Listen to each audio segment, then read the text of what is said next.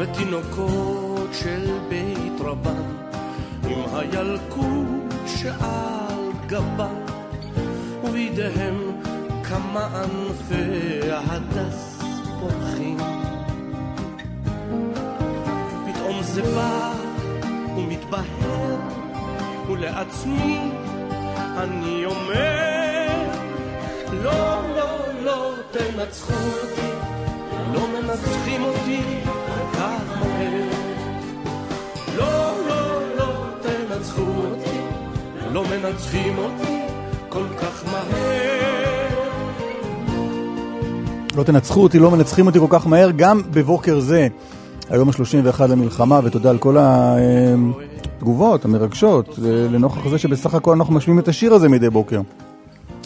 אנחנו זה העורך נדב רוזמן, המפיקות הדס סיוון ואורית שולץ, על הביצוע הטכני גלית אמירה. אנחנו כאן עד 10, גם ברדיו, כאן רשת ב', גם בטלוויזיה, כאן 11, ואנחנו פונים דרום על כתבנו אסף פוזיילוב לעדכונים על מצב המלחמה, אסף. כן, שלום. אז העדכונים הם uh, מתוך, מתוך הרצועה, uh, מתוך uh, פעולות כוחות צה"ל שהשתלטו על מוצב חמאס. בשטח עזה, היו שם במוצב, כמו בכל המוצבים, גם עמדות תצפית, גם מתחמי אימונים וגם מנהרות טרור. הם הצליחו גם לחסל כמה מחבלים. עוד מעדכן צה"ל שבמהלך הימה האחרונה מטוסי קרב תקפו כ-450 מטרות, בהם גם מתחמים צבאיים, גם עמדות תצפית, עמדות נ"ט, גם חיל הים תקף מפקדות, עמדות שיגור, טילי נ"ט ועמדות תצפית, וגם היו חיסולים של כמה מחבלים, בהם מי שאחראי על הביטחון המיוחד בחמאס, לא צריך לומר את שמו, הוא ביצע פיגועי ירי לעבר כוחות צה"ל שהיו בסיור בעזה לפני 20 שנה בדיוק ב-1993, וגם חוסלו מפקדים בדרגי השטח בצפון הרצועה.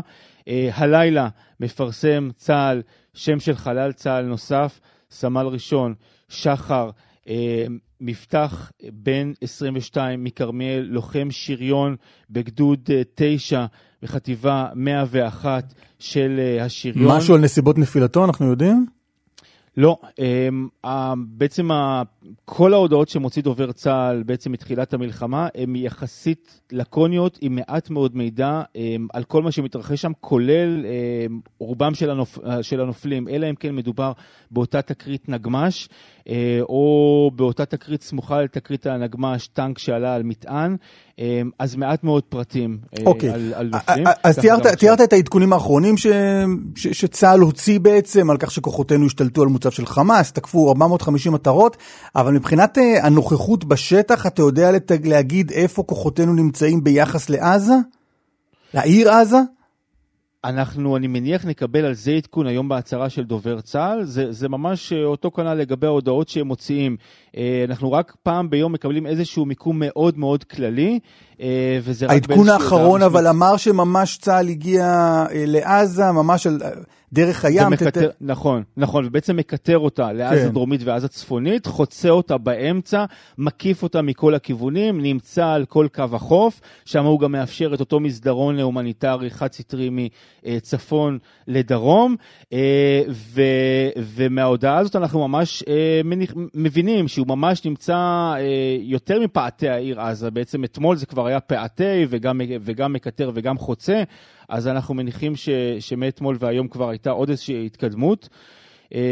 כשהתוכניות עדיין ברמת העמימות, אנחנו לא יודעים מה היעד, היה דיבורים על זה שבית החולים שיפא הולך להיות אה, בעצם על הכוונת במובן המטאפורי, נכון. במובן של להגיע לשם כדי לטהר את, ה, את המחבלים שככל הנראה מסתתרים מתחת. נכון, יותר מהמובן המטאפורי, אה, ולא רק... אה, ולא לא, רק שזה לא יישמע כאילו צה"ל הולך עכשיו אה, להוריד בית חולים על יושביו, כן? רק- רק רק בגלל זה הייתה הסתייגות, כן. כן, רק בעצם לנקות אותו ממחבלים, להשמיד את המחבלים מן הסתם, וגם את ממש קן הטרור שנמצא שם מתחתיו, וגם בית חולים אחר, או בתי חולים אחרים, נכון יותר לומר. אנחנו מכירים את המטרה בגדול, ומה מה, מה, מה הולך לקרות, אנחנו לא יודעים בדיוק איך. אה, וטוב שכך, וגם לא את צורת ההתקדמות בעצם, כן. איך זה ייעשה, והאם תהיה דרך יצירתית כמו הדרך היצירתית שראינו עד עכשיו. אה, במקביל, לצד הדברים האלה, אז לא רק אה, חיל הים שלנו פועל, אנחנו גם שומעים הלילה, מקבלים הודעה חריגה מארצות הברית, מהפנטגון, שהוא מודיע לא פחות שהוא שלח צוללת גרעינית למזרח התיכון, הצהרה שהיא מאוד חריגה, בטח כשהיא מופיעה ברשת הטוויטר, רשת האקס, ככה מודיעים האמריקאים, ו- ורומזים, או יותר מרומזים בעצם לכולם, לכל מי שצריך.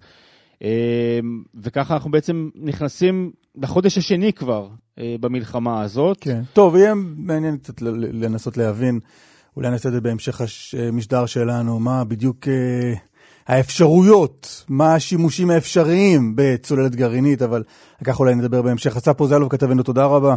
תודה. חן ביאר כתבנו בצפון, שלום. שלום, בוקר טוב. מה קורה?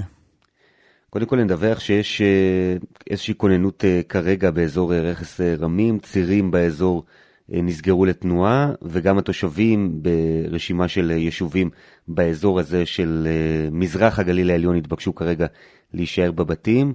זה מה שאנחנו רואים מעת לעת, לפעמים שיש איזושהי התראה, חשש כלשהו, אני לא יודע אם במקרה הזה זה חשש מאיזושהי דמות שנצפתה באזור הגדר, או איזושהי אינדיקציה שיש שאולי אה, עומד להיות ירי, אבל זה משהו שאנחנו אה, רואים באופן כמעט אה, יומיומי, לפעמים אכן זה מלמד שיש אירוע כלשהו, ולפעמים לא, אנחנו בעניין הזה נמתין ונראה, אבל זו לפחות ההודעה שמקבלים כרגע גם התושבים, שכמעט כולם אינם בבתים, אבל... אה, אז זהו, ההודעה הזאת להסתגר בבתים, בממ"דים, לכמה אנשים היא רלוונטית? תראי, היא, רלוונטית להרבה מאוד יישובים, אבל רובם ריקים. כן. אה, אז אה, המשמעות האופרטיבית בעיקר של ההודעה הזו היא שצירי תנועה באזור הזה נסגרו. האזור הזה זה מה? רק תכסה את האזור? רכס רמים, מפחות או יותר האזור של תל חי אה, ועד היישובים שנמצאים בחלק המערבי יותר, אזור סאסא פחות או יותר, כל היישובים ש- שבתחום הזה, ואתה יודע, אני רואה גם קצת יישובים באזור עמק החולה, גם דפנה ודן, בעצם הגליל העליון מעמק החולה, וגם היישובים שנמצאים אה, על הרכס, זו ההודעה שהם אה, קיבלו אה, בדקות האחרונות. היה גם עוד אה, התראה כזו מוקדם יותר, בשעות המוקדמות יותר של עכשיו, הבוקר. ההודעה הזו מתקבלת מתי?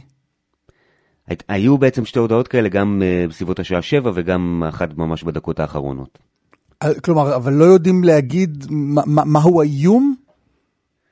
בשלב הזה אנחנו לא יודעים להגיד, ואני חושב שגם צריך בינתיים לקחת את זה בערבון מוגבל, כי בסך הכל בגלל המתח הרב שיש, יש הרבה מאוד התראות, וגם אה, אתה רואה שלא לוקחים צ'אנסים. אחת הסיבות, אגב, שבאמת אה, רוב האנשים אה, אינם נמצאים באזור, ומי ששם אלה אנשי כיתת כוננות, או אנשים באמת חקלאים, אנשים בעבודות חיוניות, זה לא נוגע להרבה מאוד אנשים, ולכן גם קל לו לקחת צ'אנסים בסיטואציות האלה. ובעצם על כל איזשהו חשש, כל דמות חשודה, כל אה, אינדיקציה מסוימת שמתקבלת, אז מעדיפים לסגור צירים mm-hmm. ולהודיע לאנשים כרגע להיכנס אל הבתים, עד שמבינים פחות או יותר מה הסיטואציה. טוב, ו- תן וזה- תן עדכוני. אה, ירי רק מהיממה האחרונה לעבר הצפון? תראה, אנחנו רואים שוב בעצם ש, שאנחנו בנקודה שהיא יכולה להתברר כמשמעותית, כי ראינו בעצם פעמיים אה, אתמול בערב מטחים לעבר אה, קריית שמונה, שזה יוצא דופן, אה, שאנחנו רואים ירי כל כך אה, קרוב אחד לשני לעבר אה, אוכלוסייה אזרחית. אה, לשמחתנו זה הסתיים עם, אה, ללא נפגעים, נזקים לרכוש, הייתה שם גם פגיעה בתשתית החשמל, שהיה צריך, אה, אנשי חברת החשמל עבדו במהלך הלילה כדי לטפל בה, וראינו אתמול עוד אחד מאירועי הנ"ט שכבר למדנו שאנחנו, אתה יודע, הם, זה איזשהם תקריות יומיומיות ואנחנו עוברים אותם. אתמול לצערנו זה הסתיים בצורה הרבה פחות uh, טובה, עם נפגעים לכוחותינו, אזרח שנהג במשאית באזור אחד המוצבים uh, של צה"ל על רכס uh, רמים ליד יפתח, ובעצם ספג פגיעה ישירה אוקיי. uh, ונהרג בתקרית הזו, זו רק אחת מתקריות כן. הנ"ט שהיו אתמול, היו נוספות גם ליד אביבים ובאזורים נוספים. ובעצם אנחנו שומעים מחיזבאללה שהוא מסבירים את, ה, את הירי הזה אה, לעבר אוכלוסייה אזרחית פעם אחר פעם באיזושהי משוואה נוספת שמנסים לייצר. הם טענו שצה"ל באחת התקיפות שלו אתמול אה, פגע באזרחים והם נהרגו במהלך התקיפה הזו של צה"ל, ובעצם הירי הזה לקריית שמונה הוא תגובה. אה, אנחנו יודעים שחיזבאללה אוהב לייצר משוואות מה... מהסוג הזה, okay. פגיעה אוקיי. בחיילים לאחר פגיעה בפעילים שלהם. עכשיו זה נוגע לאוכלוסייה אזרחית, אנחנו עוד לא יודעים לאן זה יתפתח היום, אבל אני חושב okay. כן. שמעניין לשים לב לדברים שאומר אתמול הרמטכ"ל הרצי הלוי שמגיע לבקר באוגדה 210 בפיקוד צפון. ואומר שם? הכותרת שנלקחה מה, מהדברים שלו זה בעיקר אנחנו מוכנים בכל רגע לעבור למתקפה, לעבור ממגנלה למתקפה, ו- ומבינים שהדבר הזה יכול לקרות. אני חושב שדווקא מעניין לשים לב לתחילת המשפט שבו הוא פונה לאזרחים ואומר, אני שומע את הקולות שלכם ואת החששות שלכם בנוגע למצב הביטחוני העתידי באזור, ואני אומר לכם, כשאתם תחזרו המצב בגבול ישתנה. וואלה. איך זה בדיוק יקרה ובאיזה אופן ומה הולך להיות, הוא לא כי זו באמת אחת השאלות הגדולות של המלחמה הזאת, האם אה, תושבי הצפון, אחרי שיורשו לחזור הביתה, האם גם אה, יוכלו לחזור הביתה? מבחינה... בעיניי זו השאלה כרגע, כי המצב בדרום, כן. צה"ל פועל שם, אנחנו עוד לא יודעים בדיוק איך זה יסתדר, ואנחנו מבינים לאן התרחיש הזה הולך. נכון. ובצפון יש סימן שאלה מאוד מאוד גדול. טוב. שאני לא יודע אם כולם עוד בטוחים איך הולכים לטפל בו. אה, חן ביאר, תודה רבה. אה, תחזור אלינו עוד במהלך המשדר הזה לגבי עדכון אה, לאיום שגרם. לקרוא לתושבים, את כל האזור הזה, להיכנס למרחבים המוגנים, ננסה להבין מה בדיוק קורה שם. תודה רבה, חן. תודה רבה. כרמל דנגור, כתבתנו בשטחים, שלום. שלום אסף. אה, סמל אה, פלסטיני מודרני, אה, נקרא לקח, נלקחה כן. למעצר הבוקר. כן, צה"ל עוצר הלילה את עאד תמימי, שאת השם שלה באמת לא שמענו כבר כמה שנים, כבר כמה שנים היא לא הייתה בכותרות.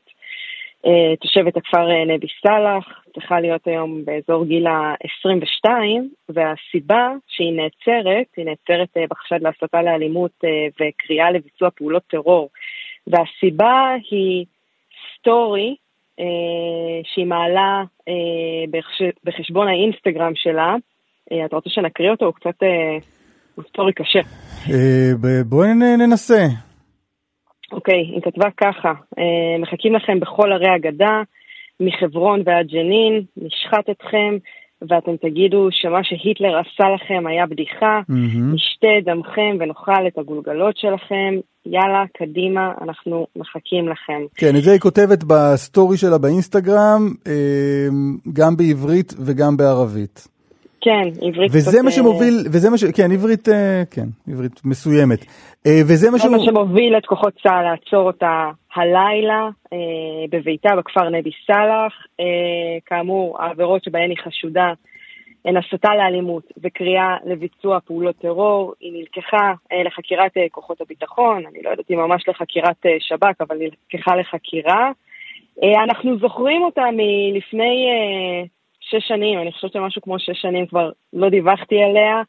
אה, היא תועדה כשהיא אה, סותרת לקצין צה"ל, אה, ובסופו של דבר הורשעה בהסדר טיעון ונשלחה לשמונה חודשי מאסר יחד עם אמה. היא הורשעה אז, בזמנו, לפני שש שנים, גם בתקיפת אותו קצין שתועדה בסרטון, גם בהסתה. בעוד שני מקרים אה, של הפרעה לכוחות אה, צה"ל.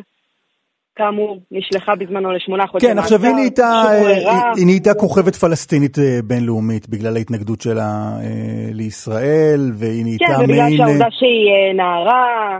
כן, אה, נהייתה מעין הפנים היפות של המאבק הפלסטיני, המזוין והאלים נגד ישראל.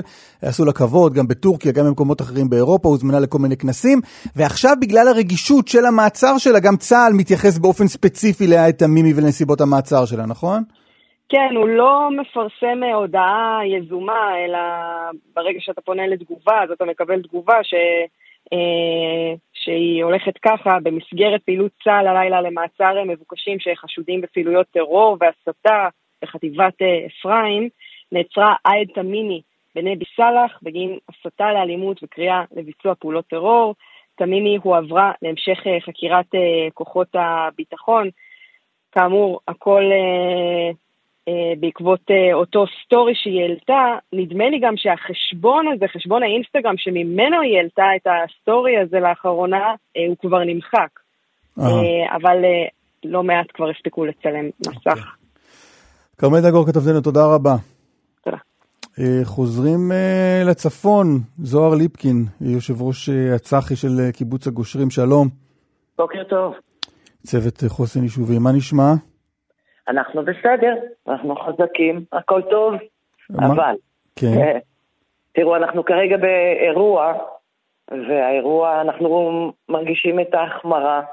אה, אני לא יודעת להגיד בדיוק באיזה אירוע כרגע, אני גם לא אפרט, אבל כרגע אנחנו גם בממ"דים וגם באירוע נוסף. אה, אותי מאוד מטריד שיש לנו שמונה קיבוצים בגליל עליון ומושב במבואות חרמון שעדיין לא קיבלו הוראת פינוי. הם צמודים אלינו, סמוכים אלינו. רגע, קודם כל מבחינת ההתראה הזאת שהתקבלה הבוקר, גם בשבע, גם אה, חן ביאר אמר לנו קודם, כן. אה, לפני כמה דקות, מה, מה אתם יודעים שקורה? אנחנו לא יודעים יותר ממך, כרגע אנחנו במרחבים מוגנים ובהתראה נוספת, אחרת. אוקיי. מחכים לשמוע. עכשיו, כמה, כמה אנשים באמת יש עדיין באזור הזה? אצלנו בקיבוץ נשארו אה, מעט מאוד אנשים, מעט שסירבו להתפנות, ויש אנשים נוספים, אורחים נחמדים. סירבו להתפנות זה למה בעצם? אה, כל אחד וסיבותיו, בעיקר ממקום של אה, אנחנו לא מתפנים. זה, זה גם המקום... זה אבל הם מעטים מאוד. זה גם המקום שאת נמצאת בו? לא, לא, אני בתפקיד שלי לא אה, מתפנה. לא זזים בתוקף תפקידך. כן, כן, מתוקף התפקיד, בהחלט. חן, אה, תוסיף לנו עוד פרטים על אה, האירוע הביטחוני הזה, ככל שאתה יודע. תראה, אני חייב להודות שאני כרגע לא יודע לדווח על uh, משהו קונקרטי, ואנחנו גם לא מקבלים אפילו כרגע אישור מדובר צה"ל על כך שיש איזשהו אירוע ביטחוני. התקבלה כנראה אינדיקציה כלשהי, אני לא יודע אם זה אינדיקציה לירי או אינדיקציה לאיזשהו חשש אה, מדמות אבל התושבים עדיין מונחים להישאר במרחבים מוגנים? כן, זו, זו ההנחיה. צריך גם, אה, צריך גם להבין שלפעמים יש פער בין ההודעות שמוציאות הרשויות המקומיות לבין ההודעות אה, שבעצם פיקוד העורף וצה"ל.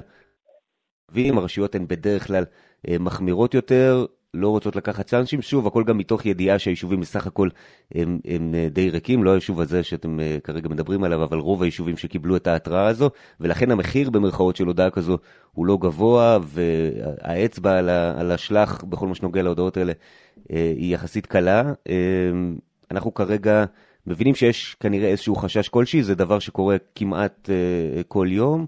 פה באמת יש הודעה שהיא יחסית ממושכת לתושבים, ואנחנו נצטרך גם אנחנו לבחון את זה, אבל כרגע אנחנו לא יודעים על איזשהו אירוע ביטחוני שמתפתח בשטח שאנחנו יכולים לדווח עליו. בוא עשה לנו סדר מבחינת uh, מי, מי נדרש על ידי המדינה להתפנות ומי לא, באזור הזה שלך, הגליל העליון.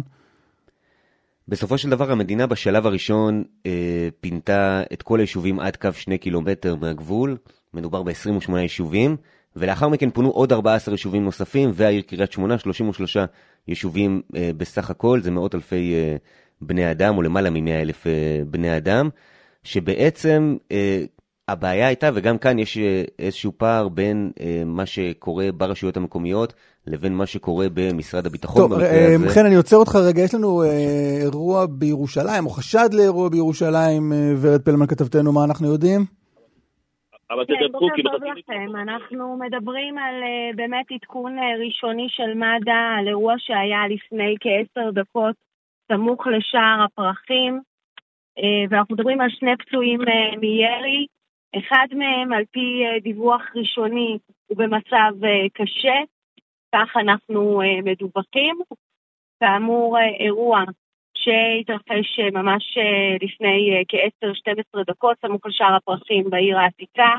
שני פצועים מירי זה מה שידוע לנו אה, שני פצועים מירי באזור שער הפרחים נכון. בירושלים. כן. בהתחלה דיברו על פיגוע דקירה, את אומרת, לא, נשמעו יריות שם בעיר העתיקה. ש... ממה שאנחנו אה, מקבלים כרגע ממד"א, מהעדכון הרשמי שיש לנו ממד"א, אנחנו מדברים על אירוע ירי. זה מה שאנחנו אה, כרגע יודעים. אה, וככל הנראה אנחנו מדברים גם על כך שזה אה, אותו מי שירה, ועל פי החשד אנחנו מבינים שמדובר באירוע ככל הנראה על רקע לאומני, אה, ממה שאני מצליחה להבין, אה, הוא כבר אה, נוטרל, והאירוע הזה מתרחש, כאמור, סמוך לשער הפרחים, אבל לא בדיוק ככל הנראה שם, ממש ליד השער, אלא במקום סמוך זה כרגע העדכון אה, שיש כן. אה, בידינו. אני מניח שעל רקע האירועים בדרום וגם בצפון, הכוחות בירושלים היו מתוחים נכון, עד הקצה. נכון, אני מזכירה שהיה לנו פיגוע ביום שני, שעבר בדיוק. ביום שני, פיגוע דקירה לעבר לוחם מג"ב שנפצע בינוני עד קשה. כך שכל האזור הזה מתוח, שבועיים קודם לכן פחות או יותר היה לנו עוד אירוע ירי גם כן בדיוק באזור הזה של שער הפרחים לעבר תחנת אה, משטרת אה, שלם בירושלים, אה, ואנחנו נאסוף עוד פרטים ונשוב אליכם. כן. זקי ילר, דובר מד"א עכשיו איתנו, זקי? זקי ילר, דובר מד"א? איתנו? כן, כן, שלום. מה אתה יכול לספר לנו? אנחנו דיווחים ראשוניים בלבד, החובשים והפרמדיקים שלנו בדקות האלו מעניקים אה, טיפול רפואי לגבר ואישה, אה, האישה במצב אה, קשה והגבר במצב בינוני, הם מטופלים עדיין במקום, שניהם סובלים מפציעות חודרות והמחבל נוטרל וחוסל. מחבל שנוטרל וחוסל. תמקם אותנו, איפה אנחנו נמצאים? איפה, איפה הפיגוע הזה מתרחש? אנחנו מדברים על אזור העיר העתיקה, וכרגע אלה הפרטים הראשונים שישנם. אתה אומר אבל המחבל חוסל, אתה אומר, ממה שאתה מבין בוודאות מדובר בפיגוע. אה, ככל הנראה, כן. אוקיי, אה, זקי אלר דובר מד"א, תודה רבה. תודה. כאמור, מה שאנחנו יודעים עד עכשיו, אזור השעה שמונה ועשרה, בין שמונה ועשרה לשמונה ורבע, יריות אה, באזור אה, העיר העתיקה בירושלים, פחות או יותר שער הפרחים. פיגוע, מחבל מגיע, יורה בגבר ואישה, אישה, על פי מה שאומר לנו עכשיו זקי אלר, פצוע קשה, גבר פצוע בינוני, המחבל, שוב, על פי מה שאומר לנו דובר מד"א ממש עכשיו, אה, המחבל אה, חוסל במקום. נורית יוחנן, כתבתנו לפלסטיני, מה עוד את יודעת? שלום, בוקר טוב. כן, תראו, אה, הפלסטינים, חוץ מלהדהד את עניין אה, הפיגוע עצמו, אה, סמוך לעיר העתיקה בירושלים, כן מדווחים על איזשהו ירי לעבר, ככל הנראה, המחבל. כלומר, אנחנו מבינים גם מהצד הפלסטיני, יש סרטונים, יש איזשהו תיעוד שבו נשמעים קולות של ירי, כלומר, וככל הנראה מדובר בירי האחרון, כלומר, בירי לעבר המחבל, לא, ב, לא בפיגוע עצמו, יש תיעודים של כוחות משטרה באזור. כן צריך להגיד, זה ככה היה בצל האירועים היותר משמעותיים בעזה ובלבנון, אבל בהחלט אה, עלייה במתיחות ובהסלמה גם ביהודה ושומרון, גם במזרח ירושלים, גם מבחינת עימותים כוחות הביטחון, גם מבחינת מעצרים, יותר מ-1,100 אה, אה, עצורים רק בחודש הזה, מאות מהם פעילי חמאס, כלומר ודאי שיש ניסיון כל הזמן, אגב גם של חמאס, להלהיב את השטח, לגרום לזה שיהיה פה גם איזושהי הסלמה, איזשהו אה, חלילה אה, פיגועים, גם ביהודה ושומרון ובמזרח ירושלים. ממש קריאה גם חמאס, שמענו את זה כל הזמן, נכון? קריאה, כן, ניסיונות זה, לייצר, זה נשמע... היו ניסיונות כל הזמן גם לייצר ימי שישי אה, זעם כאלה, נכון? נכון, נכון. צריך לומר, בעצם מהרגע שהתחילה המלחמה, כל יום שישי בעצם חמאס ניסה לייצר איזשהו יום זעם, כלומר יום של הרבה מאוד עימותים, כוחות הביטחון, שביתות, דברים מהסוג הזה. זה לא הצליח, זה לא הצליח. אני אומרת בזהירות כמו שהוא היה רוצה שזה יצפה, אבל אנחנו רואים לצערנו שדברים קורים. שמי מי, מי חמאס קיווה שישתתף ב, בלעלות על ישראל הזה? תראה, אני חושבת ש, שהוא קיווה שהפלסטינים ביהודה ושומרון מתוך איזושהי הזדהות עם עזה כן אה, יתחילו פה איזשהו גל אה, גם של אה, פיגועים, חלילה גם של עימותים עם, עם כוחות הביטחון, שתהיה עלייה מאוד מאוד משמעותית, וככה ישראל, ישראל תצטרך להתעסק גם בהסלמה ביהודה ושומרון. הייתה עלייה, יש שביתות, יש שוב יותר עימותים, יותר הרוגים פלסטינים כתוצאה מזה, יותר מעצרים. זה לא הגיע, אני חושבת, אני רוצה להגיד בזהירות, לרמה שחמאס היה רוצה שזה יהיה, שזה אומר ככה פתיחת חזית ממש נוספת. לא, אבל אפילו רחוק מזה, לא? אין, אין, בטח לא בקרב ערביי ישראל, וגם בגדה, אין, אין, אין, אין, לא רואים איזה התקוממות. כן. אני, אפריד בין הדברים. ביהודה ושומרון אנחנו כן רואים אה, עלייה, שוב, זה פחות מדווח אצלנו כיוון שהאירועים בעזה ובלבנון מעסיקים אותנו יותר, אבל יש עלייה גם בעימותים, אה, אה, רק בחודש האחרון יותר מ-100 הרוגים פלסטינים בעימותים כאלה, גם במעצרים, שוב, כמו שאמרתי, מספר גדול מאוד של עצורים בחודש האחרון, גם פעולות ככה של ישראל נגד הסתה, ראינו כל מיני בתי עסק שככה הסיתו נגד ישראל ונסגרו, כלומר יש הרבה מאוד פעילות כדי לוודא שזה יישמר ברמה הזו. ערביי ישראל, אזרחי ישראל הערבים זה משהו אחר ממה שאני מכירה, וגם ההתייחסות של המשטרה לעניין לא רואים איזושהי פעילות אה, חריגה, ודאי לא אה, כמו שככה אה, קרה לפני כשנתיים בשומר החומות, כאמור, זו זירה אחרת לגמרי. אוקיי, נורית יוחנן, כתבתנו לפלסטינים, תודה רבה. תודה. אז הנה גם יוצאת אה, הודעה של המשטרה לגבי מה שאנחנו יודעים שקרה שם באזור אה, שער הפרחים בירושלים, בעיר העתיקה. אה, הודעת המשטרה אומרת כך, לפני זמן קצר, שאנחנו יודעים שמדובר באזור השעה, קצת לפני השעה שמונה ורבע, התקבל דיווח על מחבל שדקר לוחמי משמר הגבול, סמוך לתחנת משטרת שלם במזרח העיר ירושלים. לוחמת נפגעה קשה, לוחם נוסף נפגע קל, על פי גורמי רפואה. כוחות משטרה נטרלו את המחבל. כוחות משטרה ומג"ב בפיקודו של מפקד מחוז ירושלים המשטרה נמצאים במקום. אה, במד"א יודעים להוסיף על הדבר הזה שחובשים ופרמדיקים של מגן דוד אדום מעניקים טיפול רפואי ומפנים לבית החולים הדסה הר הצופים שני פצועים, בהם צעירה בת 20 במצב קשה, גבר בן 20 במצב קל. עם פציעות חודרות בגופם, המחבל נוטרל וחוסל.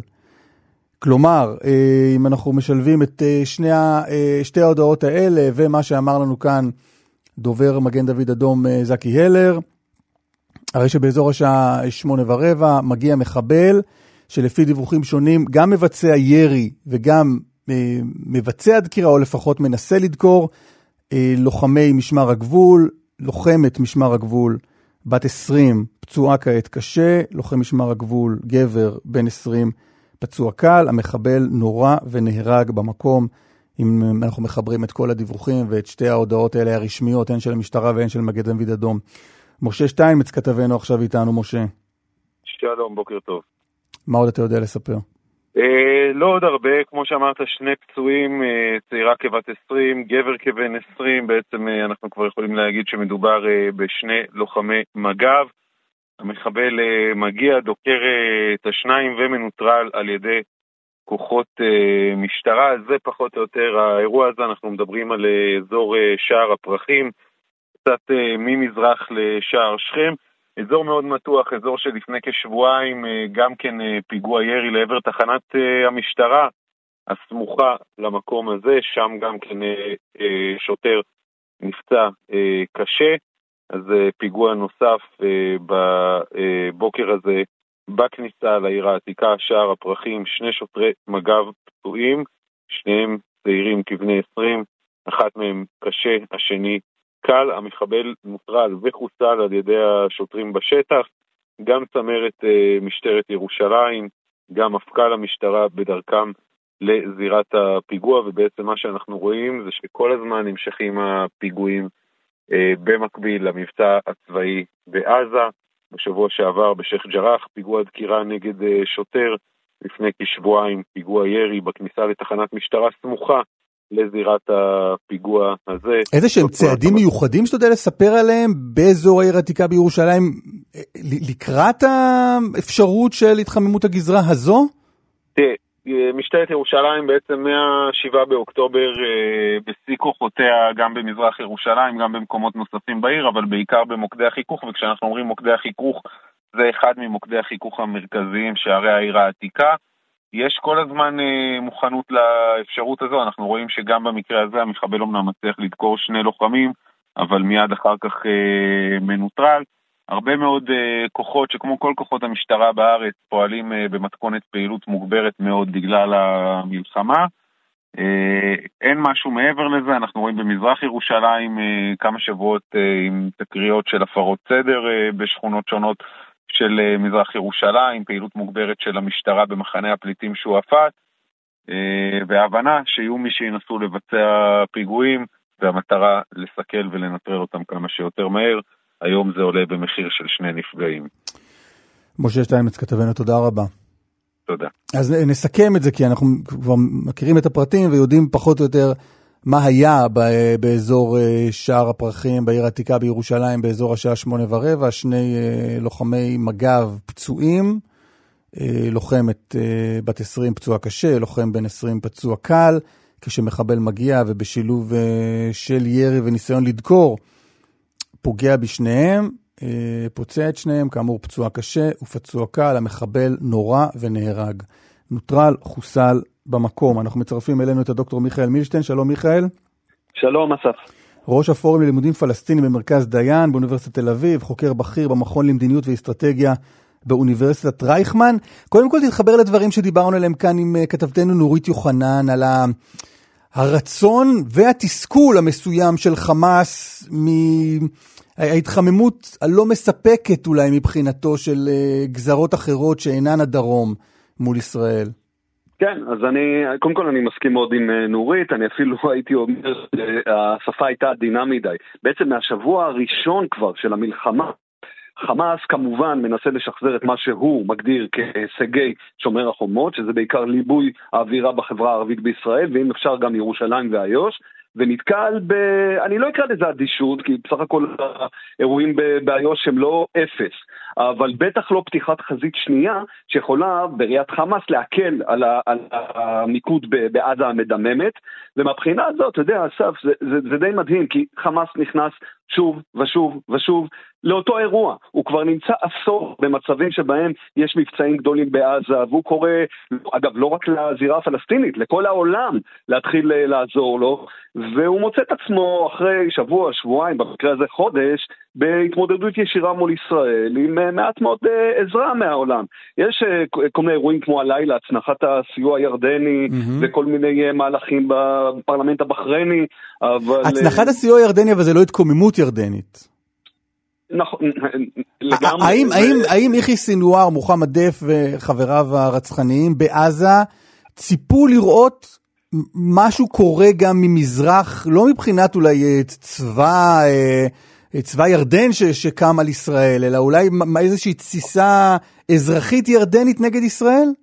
אה, ואפילו יותר מזה הייתי אומר, אסף, וכאן אני חושב שהמילה הנכונה היא קיוו לראות, בעיקר נהירה המונית, אם אפשר גם כמובן של פלסטינים, אה, לאזור הגשרים, כלומר, אה, שנראה בראייתם או מוגדר בראייתם כמעין חזרה המונית אל המולדת.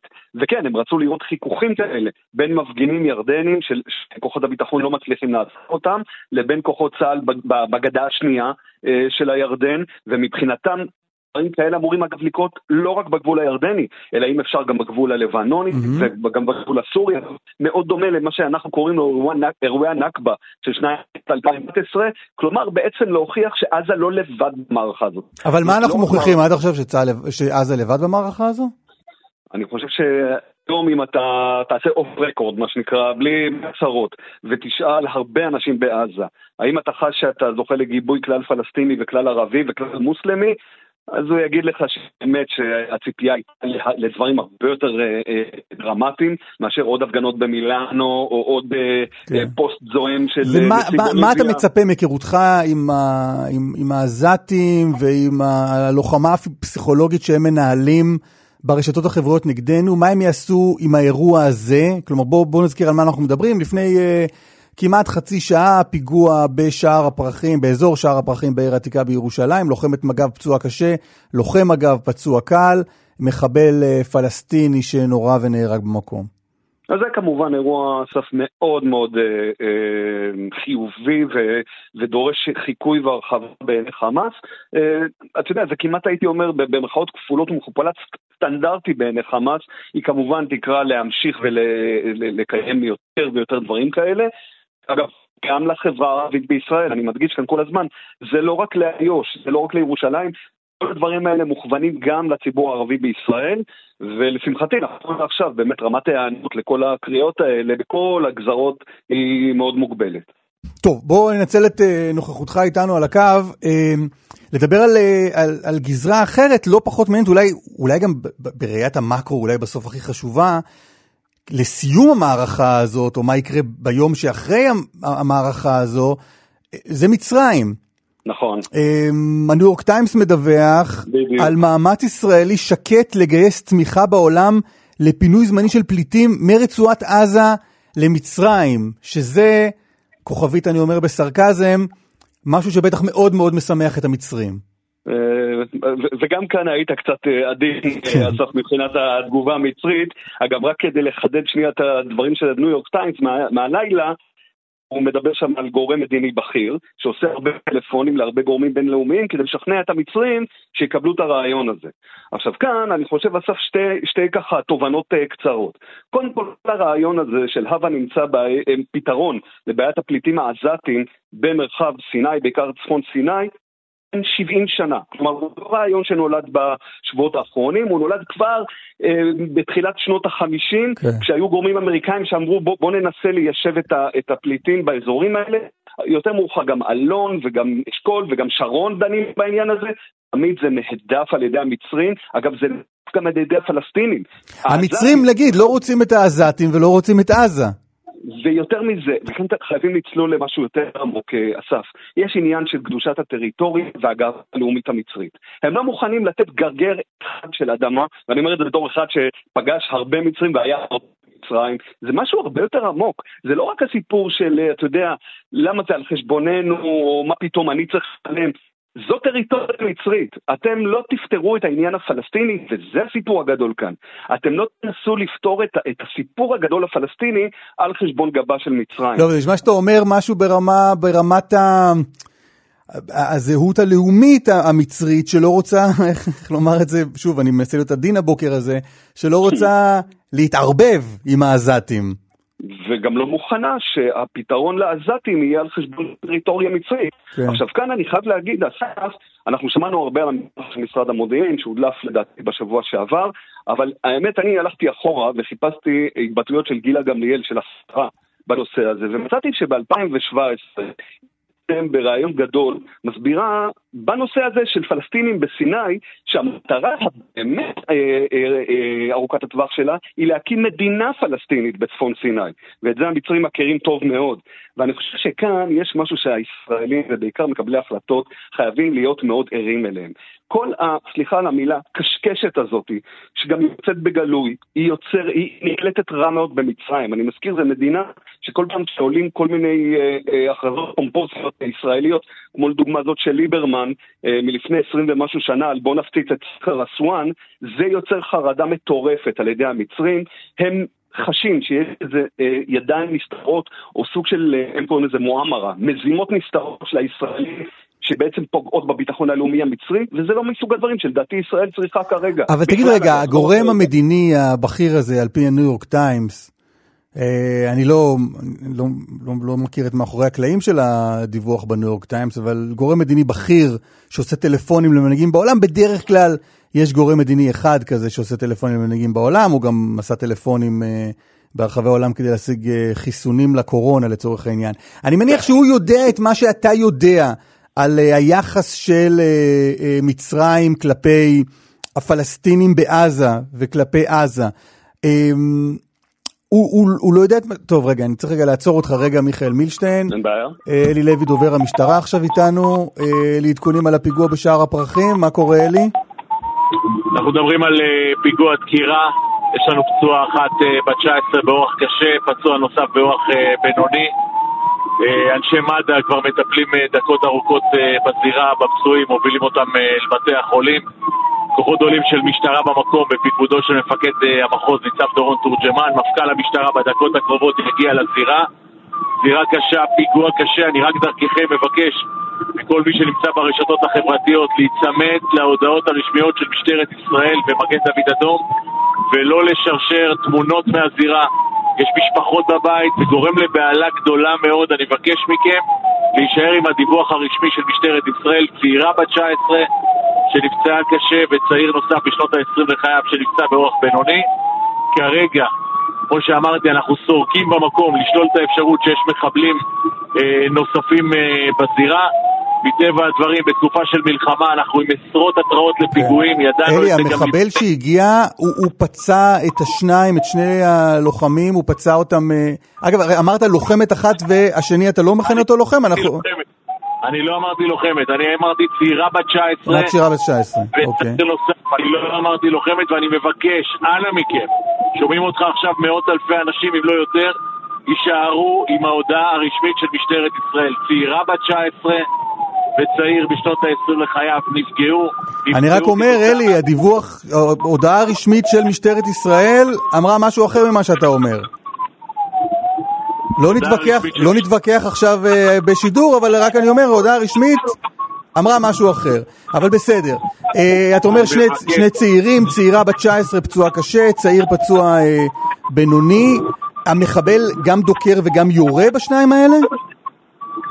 מחבל לפי הדיווח הראשוני דוקר, היה, יש גם דיווח על ירי, כרגע כל הדברים האלה נבדקים, אנחנו בדרכנו לזירה, לנצל את האפשרות שאני נמצא על הקו והרבה אנשים שומעים אותנו, אנא מכם, אנחנו בתקופה עם התראות רבות לפיגועים בתוך שטח ישראל, דפקו מיד למוקד 100, תהיו ערניים, במקרה הזה השוטרים שלנו נטרלו את המחבל ומנעו ממנו לבצע פיגוע הרבה יותר גדול. מנוטרל זה אומר הרוג? מנוטרל זה אומר מנוטרל כרגע. Okay. כרגע אוקיי. הדבר האחרון שחשוב לי זה מה מצבו של המחבל, אלא יותר חשוב לי להתפלל לשלומם של שני הצעירים שנפגעו. אוקיי, okay, אלי לוי, דובר המשטרה, תודה, תודה. רבה. טוב, מיכאל מישנה, אנחנו חוזרים אליך. דיברנו על הרעיון, על הרעיון הישראלי והמאמץ הישראלי. שוב, על פי ניו יורק טיימס יש מאמץ אקטיבי ישראלי, נכון. של מכנים אותו גורם מדיני בכיר, לעשות טלפונים למנהיגי העולם, ללחוץ על מצרים, לקבל לשטחה פליטים מעזה. האם יש לדבר, אמרת במשך הרבה מאוד זמן המצרים, עמדתם הקבועה היא להתנגד. גם הגורם המדיני הזה שעושה טלפונים, גם הוא יודע את זה. ולכן האם אתה חושב שהמצרים יכולים להסכים למשהו בכל הנוגע ל- לקחת חלק במאמץ הזה של למצוא פתרון לעזה? תראה, אני אגיד לך, אסף, אתה בדיוק שאלת לפני, לפני הדיווח מהשטח, האם אותו גורם מדיני לא יודע מה התשובה המצרית. וכאן אני חייב להזכיר, כמה שנים לפני שהוא מובארק נותן בריאיון דיווח מאוד מעניין, הוא אומר שב-2012 נתניהו מציע לו את, את מה שאנחנו מדברים עליו היום, כלומר להתחיל לדחוף את האוכלוסייה הפלסטינית בעזה לצפון סיני, והוא פשוט הודף אותו, מסביר לו שמדובר ברעיון הזוי ושלא יעלה את זה בפניו עוד פעם.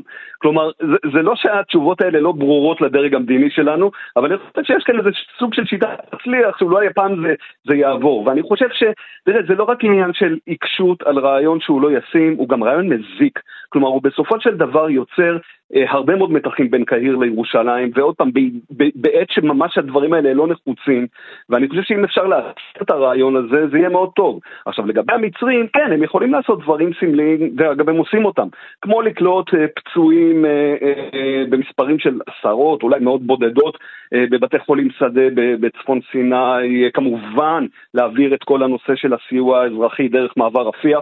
שהוא המעבר היחיד היום, עורק החיים היחיד היום לתוך עזה, כמובן לתת היתרים לאנשים בעלי אזרחויות זרות להיכנס או לצאת מעזה, אבל בכל מה שנוגע למה שהפלסטינים קוראים לו טעותים, כלומר יישוב ויישוב קבע של פלסטינים מעזה בסיני, אני חושב ששווה לא להמשיך בהעלאת הנושא הזה, שכאמור יש לו, הוא יותר מגלם נזק מאשר איזושהי תועלת מדינית.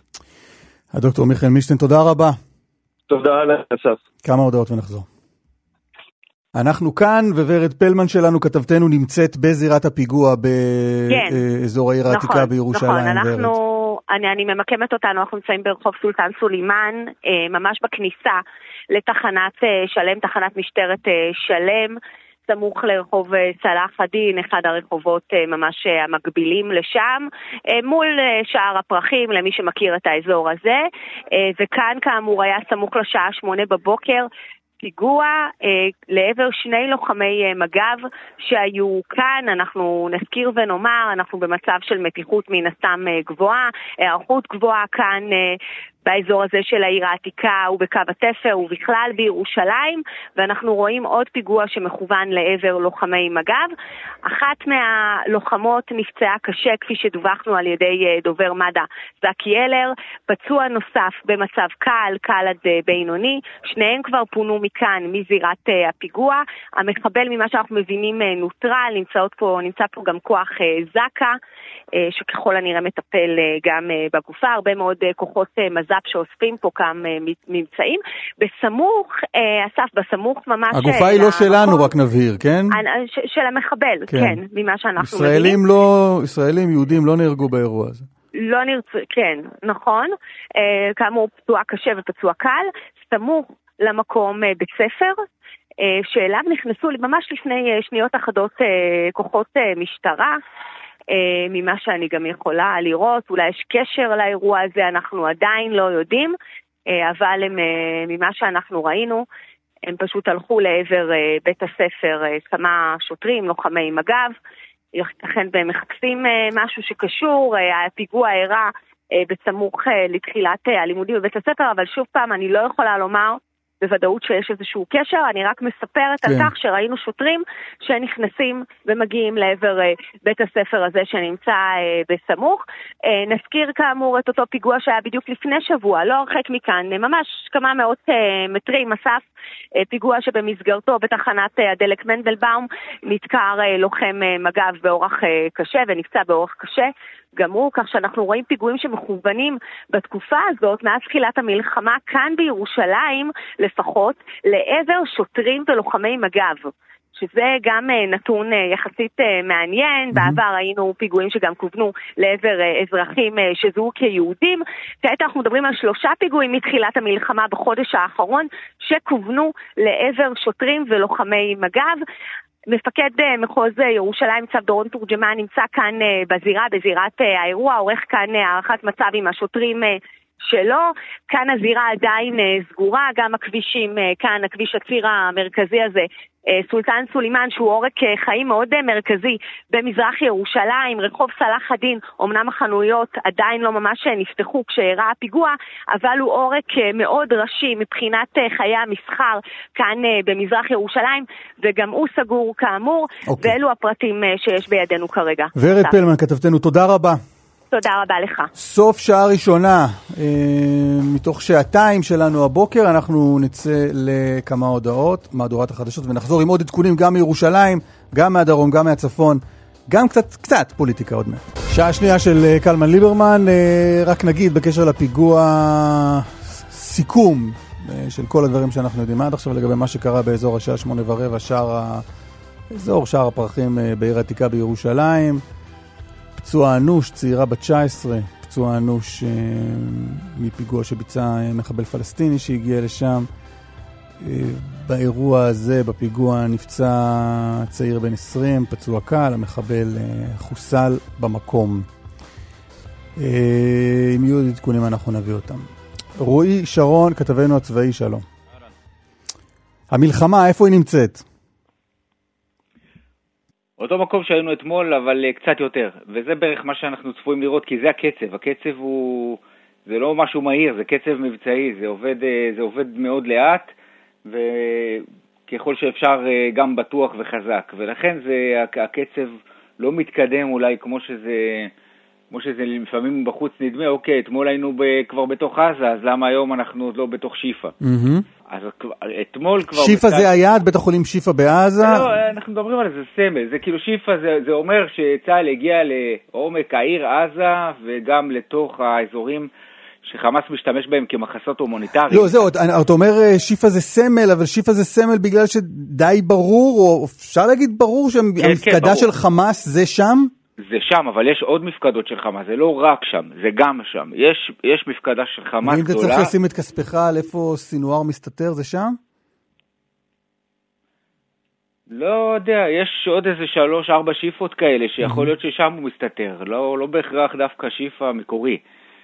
יש גם, אה, יש עוד כמה בתי חולים ומחסות, וצה"ל אומר במפורש, וגם אפשר לשים לב שצה"ל, ב... בשבוע האחרון הולך ומפליל ומשחיר את, אה, את שימוש חמאס בבתי חולים מיום ליום.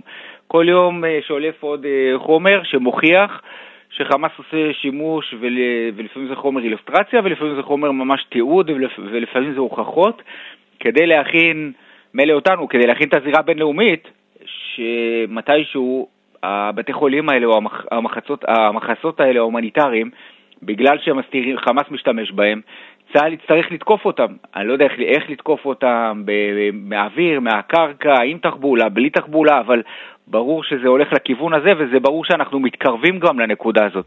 צה"ל כבר שנמצא, אתמול כשצה"ל אה, משחרר לפרסום, קצת אה, מפזר את הערפל, שגולני הגיעו לחוף של עזה, לחוף הים של העיר, והעיר עזה מכותרת, ועוד יומיים או משהו כזה היא תהיה גם מכותרת הרמטית, ממש מצור גם מעל הקרקע וגם מתחת לקרקע, אז זה ברור שזה הולך, שזה הולך ומתקרב גם, ה, נקרא לזה הטיפול. של, של צה"ל במרכזי הכובד של חמאס, כשדניאל הגרי, דובר צה"ל, מדבר על, מדבר על עכשיו יש חלוקה בין עזה צפון לעזה דרום, אז ברור שלעזה צפון לא נכנס כלום, נכון? כל הסיוע ההומניטרי הזה שמגיע משאיות כן, או הצנחה נכון. מירדן, עזה צפון מבודדת. כן, עזה, עזה צפון מבודדת, רצועת עזה צפון מבודדת, כן? ש... Mm, כן. ו- וזה ברור, יש שם הרבה מאוד כוחות, כבר נמצאים שם גם מצפון לעיר וגם מדרום לעיר, זה כבר נמשך יותר משבוע, וזה ברור שעכשיו יש יותר כוחות, עכשיו ראינו את התקיפות בלילה שהיו מאוד מסיביות, התקיפות האש ברצועה, כשה... כשצה"ל נכנס לתוך העיר, לתוך העומק של העיר, אז גם צריך יותר אש כדי להגן על ה... לצמצם את הסיכון של פגיעה בכוחותינו, ולכן צה"ל מוריד ותוקף כל בניין שעלול להסתיר חוליה או משהו כזה, שכל מה שעלול להיות, זה עלול להיות בו חוליית צליפה או חוליית נ"ט או מה שעלול לסכן שם את הכוחות, וגם יש הרבה יותר אה, מטרות, והמטרה היא באמת לחתוך את הרצועה גם מתחת לקרקע, כלומר שמחבלים של חמאס לא יוכלו לא לברוח ולא, ולא לחזור לתוך העיר, ואז לאט לאט להדק את המצור. זה מה כן. שאנחנו רואים שקורה ברצועה. כשבצפון בינתיים אנחנו רואים ש... לא שזה לא היה צפוי, אבל ככל שצה"ל מעמיק את התמרון, נסראללה מנסה לשבש את הכניסה, את התמרון הקרקעי.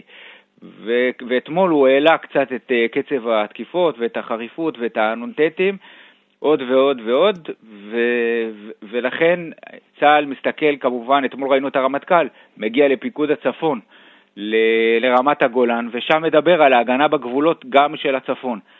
צה"ל כאן נמצא, מנהל התקפה כרגע רק בזירה אחת, בדרום, אבל uh, ברור שלמרות הנאום של נסראללה שכאילו מאותת שאין פניו למלחמה, זה לא אומר שום דבר. יכול להיות שהוא מסתיר את הכוונות האמיתיות שלו, וזה, ויכול להיות שהוא רק מנסה לעשות כאן באמת הונאה, ולכן צה"ל כן נמצא עם הרבה מאוד כוחות גם בצפון, אבל השאיפה היא כרגע להתמקד בעזה. תגיד, uh, הדיווחים הם שהגיעה לפה לאזור צוללת uh, גרעינית אמריקנית. כן, זה, זה, זה לא סתם דיווחים, זה באישור, אה, זה ציוץ של אה, פיקוד מרכז של אמריקה, של ארה"ב. עכשיו, אתה יודע להגיד אבל, אה, זה, זה צורך מבצעי ישראלי? זה משהו שישראל ביקשה? אתה יודע להגיד באילו נסיבות, אתה יודע להגיד באילו נסיבות אנחנו נשתמש בצוללת גרעינית אמריקנית? קודם כל זה לא אנחנו נשתמש, זה הצוללת היא אמריקנית, זה של ארצות הברית. אתה שואל באיזה... ארצות הברית וביידן פה מהרגע הראשון, גם עם שתי הנושאות המטוסים שהם הביאו, כדי להקרין עוצמה והרתעה על כל הסביבה, וכשביידן אמר דון, אמר לאיראן ולחיזבאללה, אל תחשבו על זה, אל תצטרפו פה למלחמה עם ישראל, כי אני פה, ואנחנו פה עם הרבה כוחות. אז בינתיים זה, זה גם מצליח וגם אנחנו רואים שאנחנו באיזה מגמת, אה, מגמה שלילית, מגמת הסלמה. לא, אבל רגע, אני אשאל את זה, סליחה, אני אשאל את זה יותר בוטה. צוללת גרעינית אמריקנית בסוף נועדה ל- לראות אה, נשק גרעיני, כן? אז בסוף כן, אבל לפני הסוף היא נועדה לגרום להרתעה כדי שלא יהיה צורך לראות נשק גרעיני. כן. זה בעצם המטרה של אה, כל מי שיש לו גרעין, המטרה היא שלא תצטרך לראות אותו, אבל שאף אחד לא יתעסק איתו. אבל אחרי, ש... אחרי שכל העולם ואחותו ירדו על uh, השר עמיחי אליהו, אז זה שאמר ברון לקול ברמה שפצצת אטום על עזה זה אופציה, הנוכחות של הצוללת הגרעינית uh, האמריקנית אומרת בעצם, חברים, פצצת אטום זה אופציה. ואנחנו לא נשתמש בה, אבל אנחנו רוצים שתדעו שזו אופציה.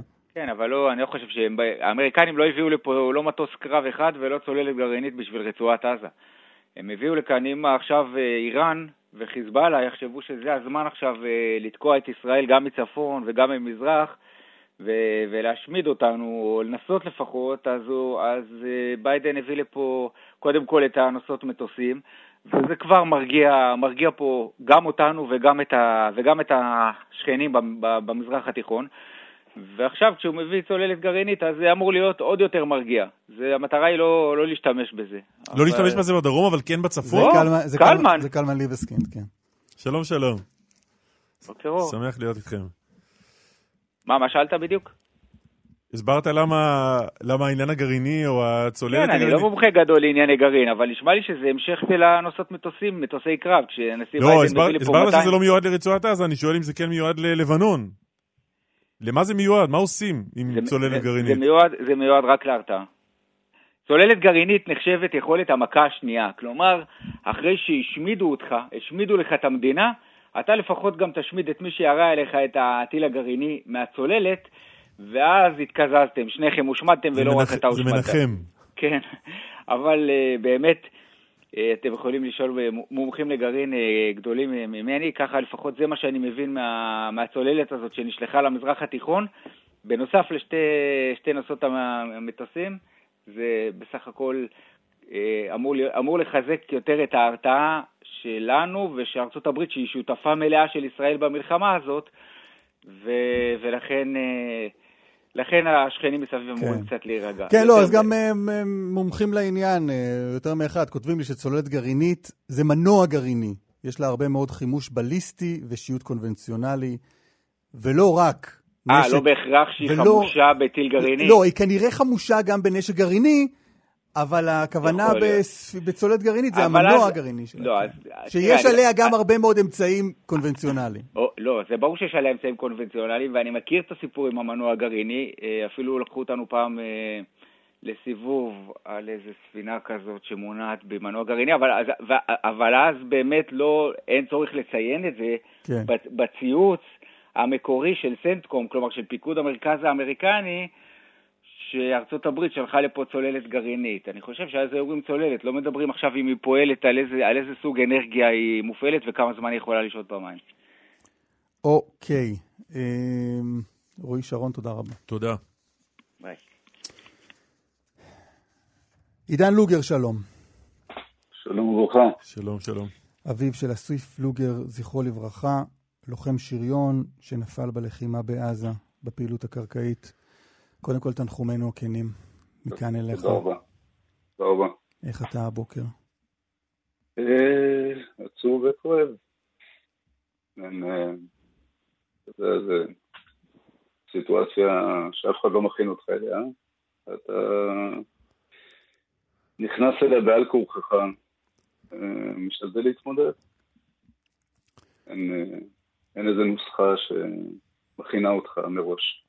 מה אתה יודע על מה שקרה?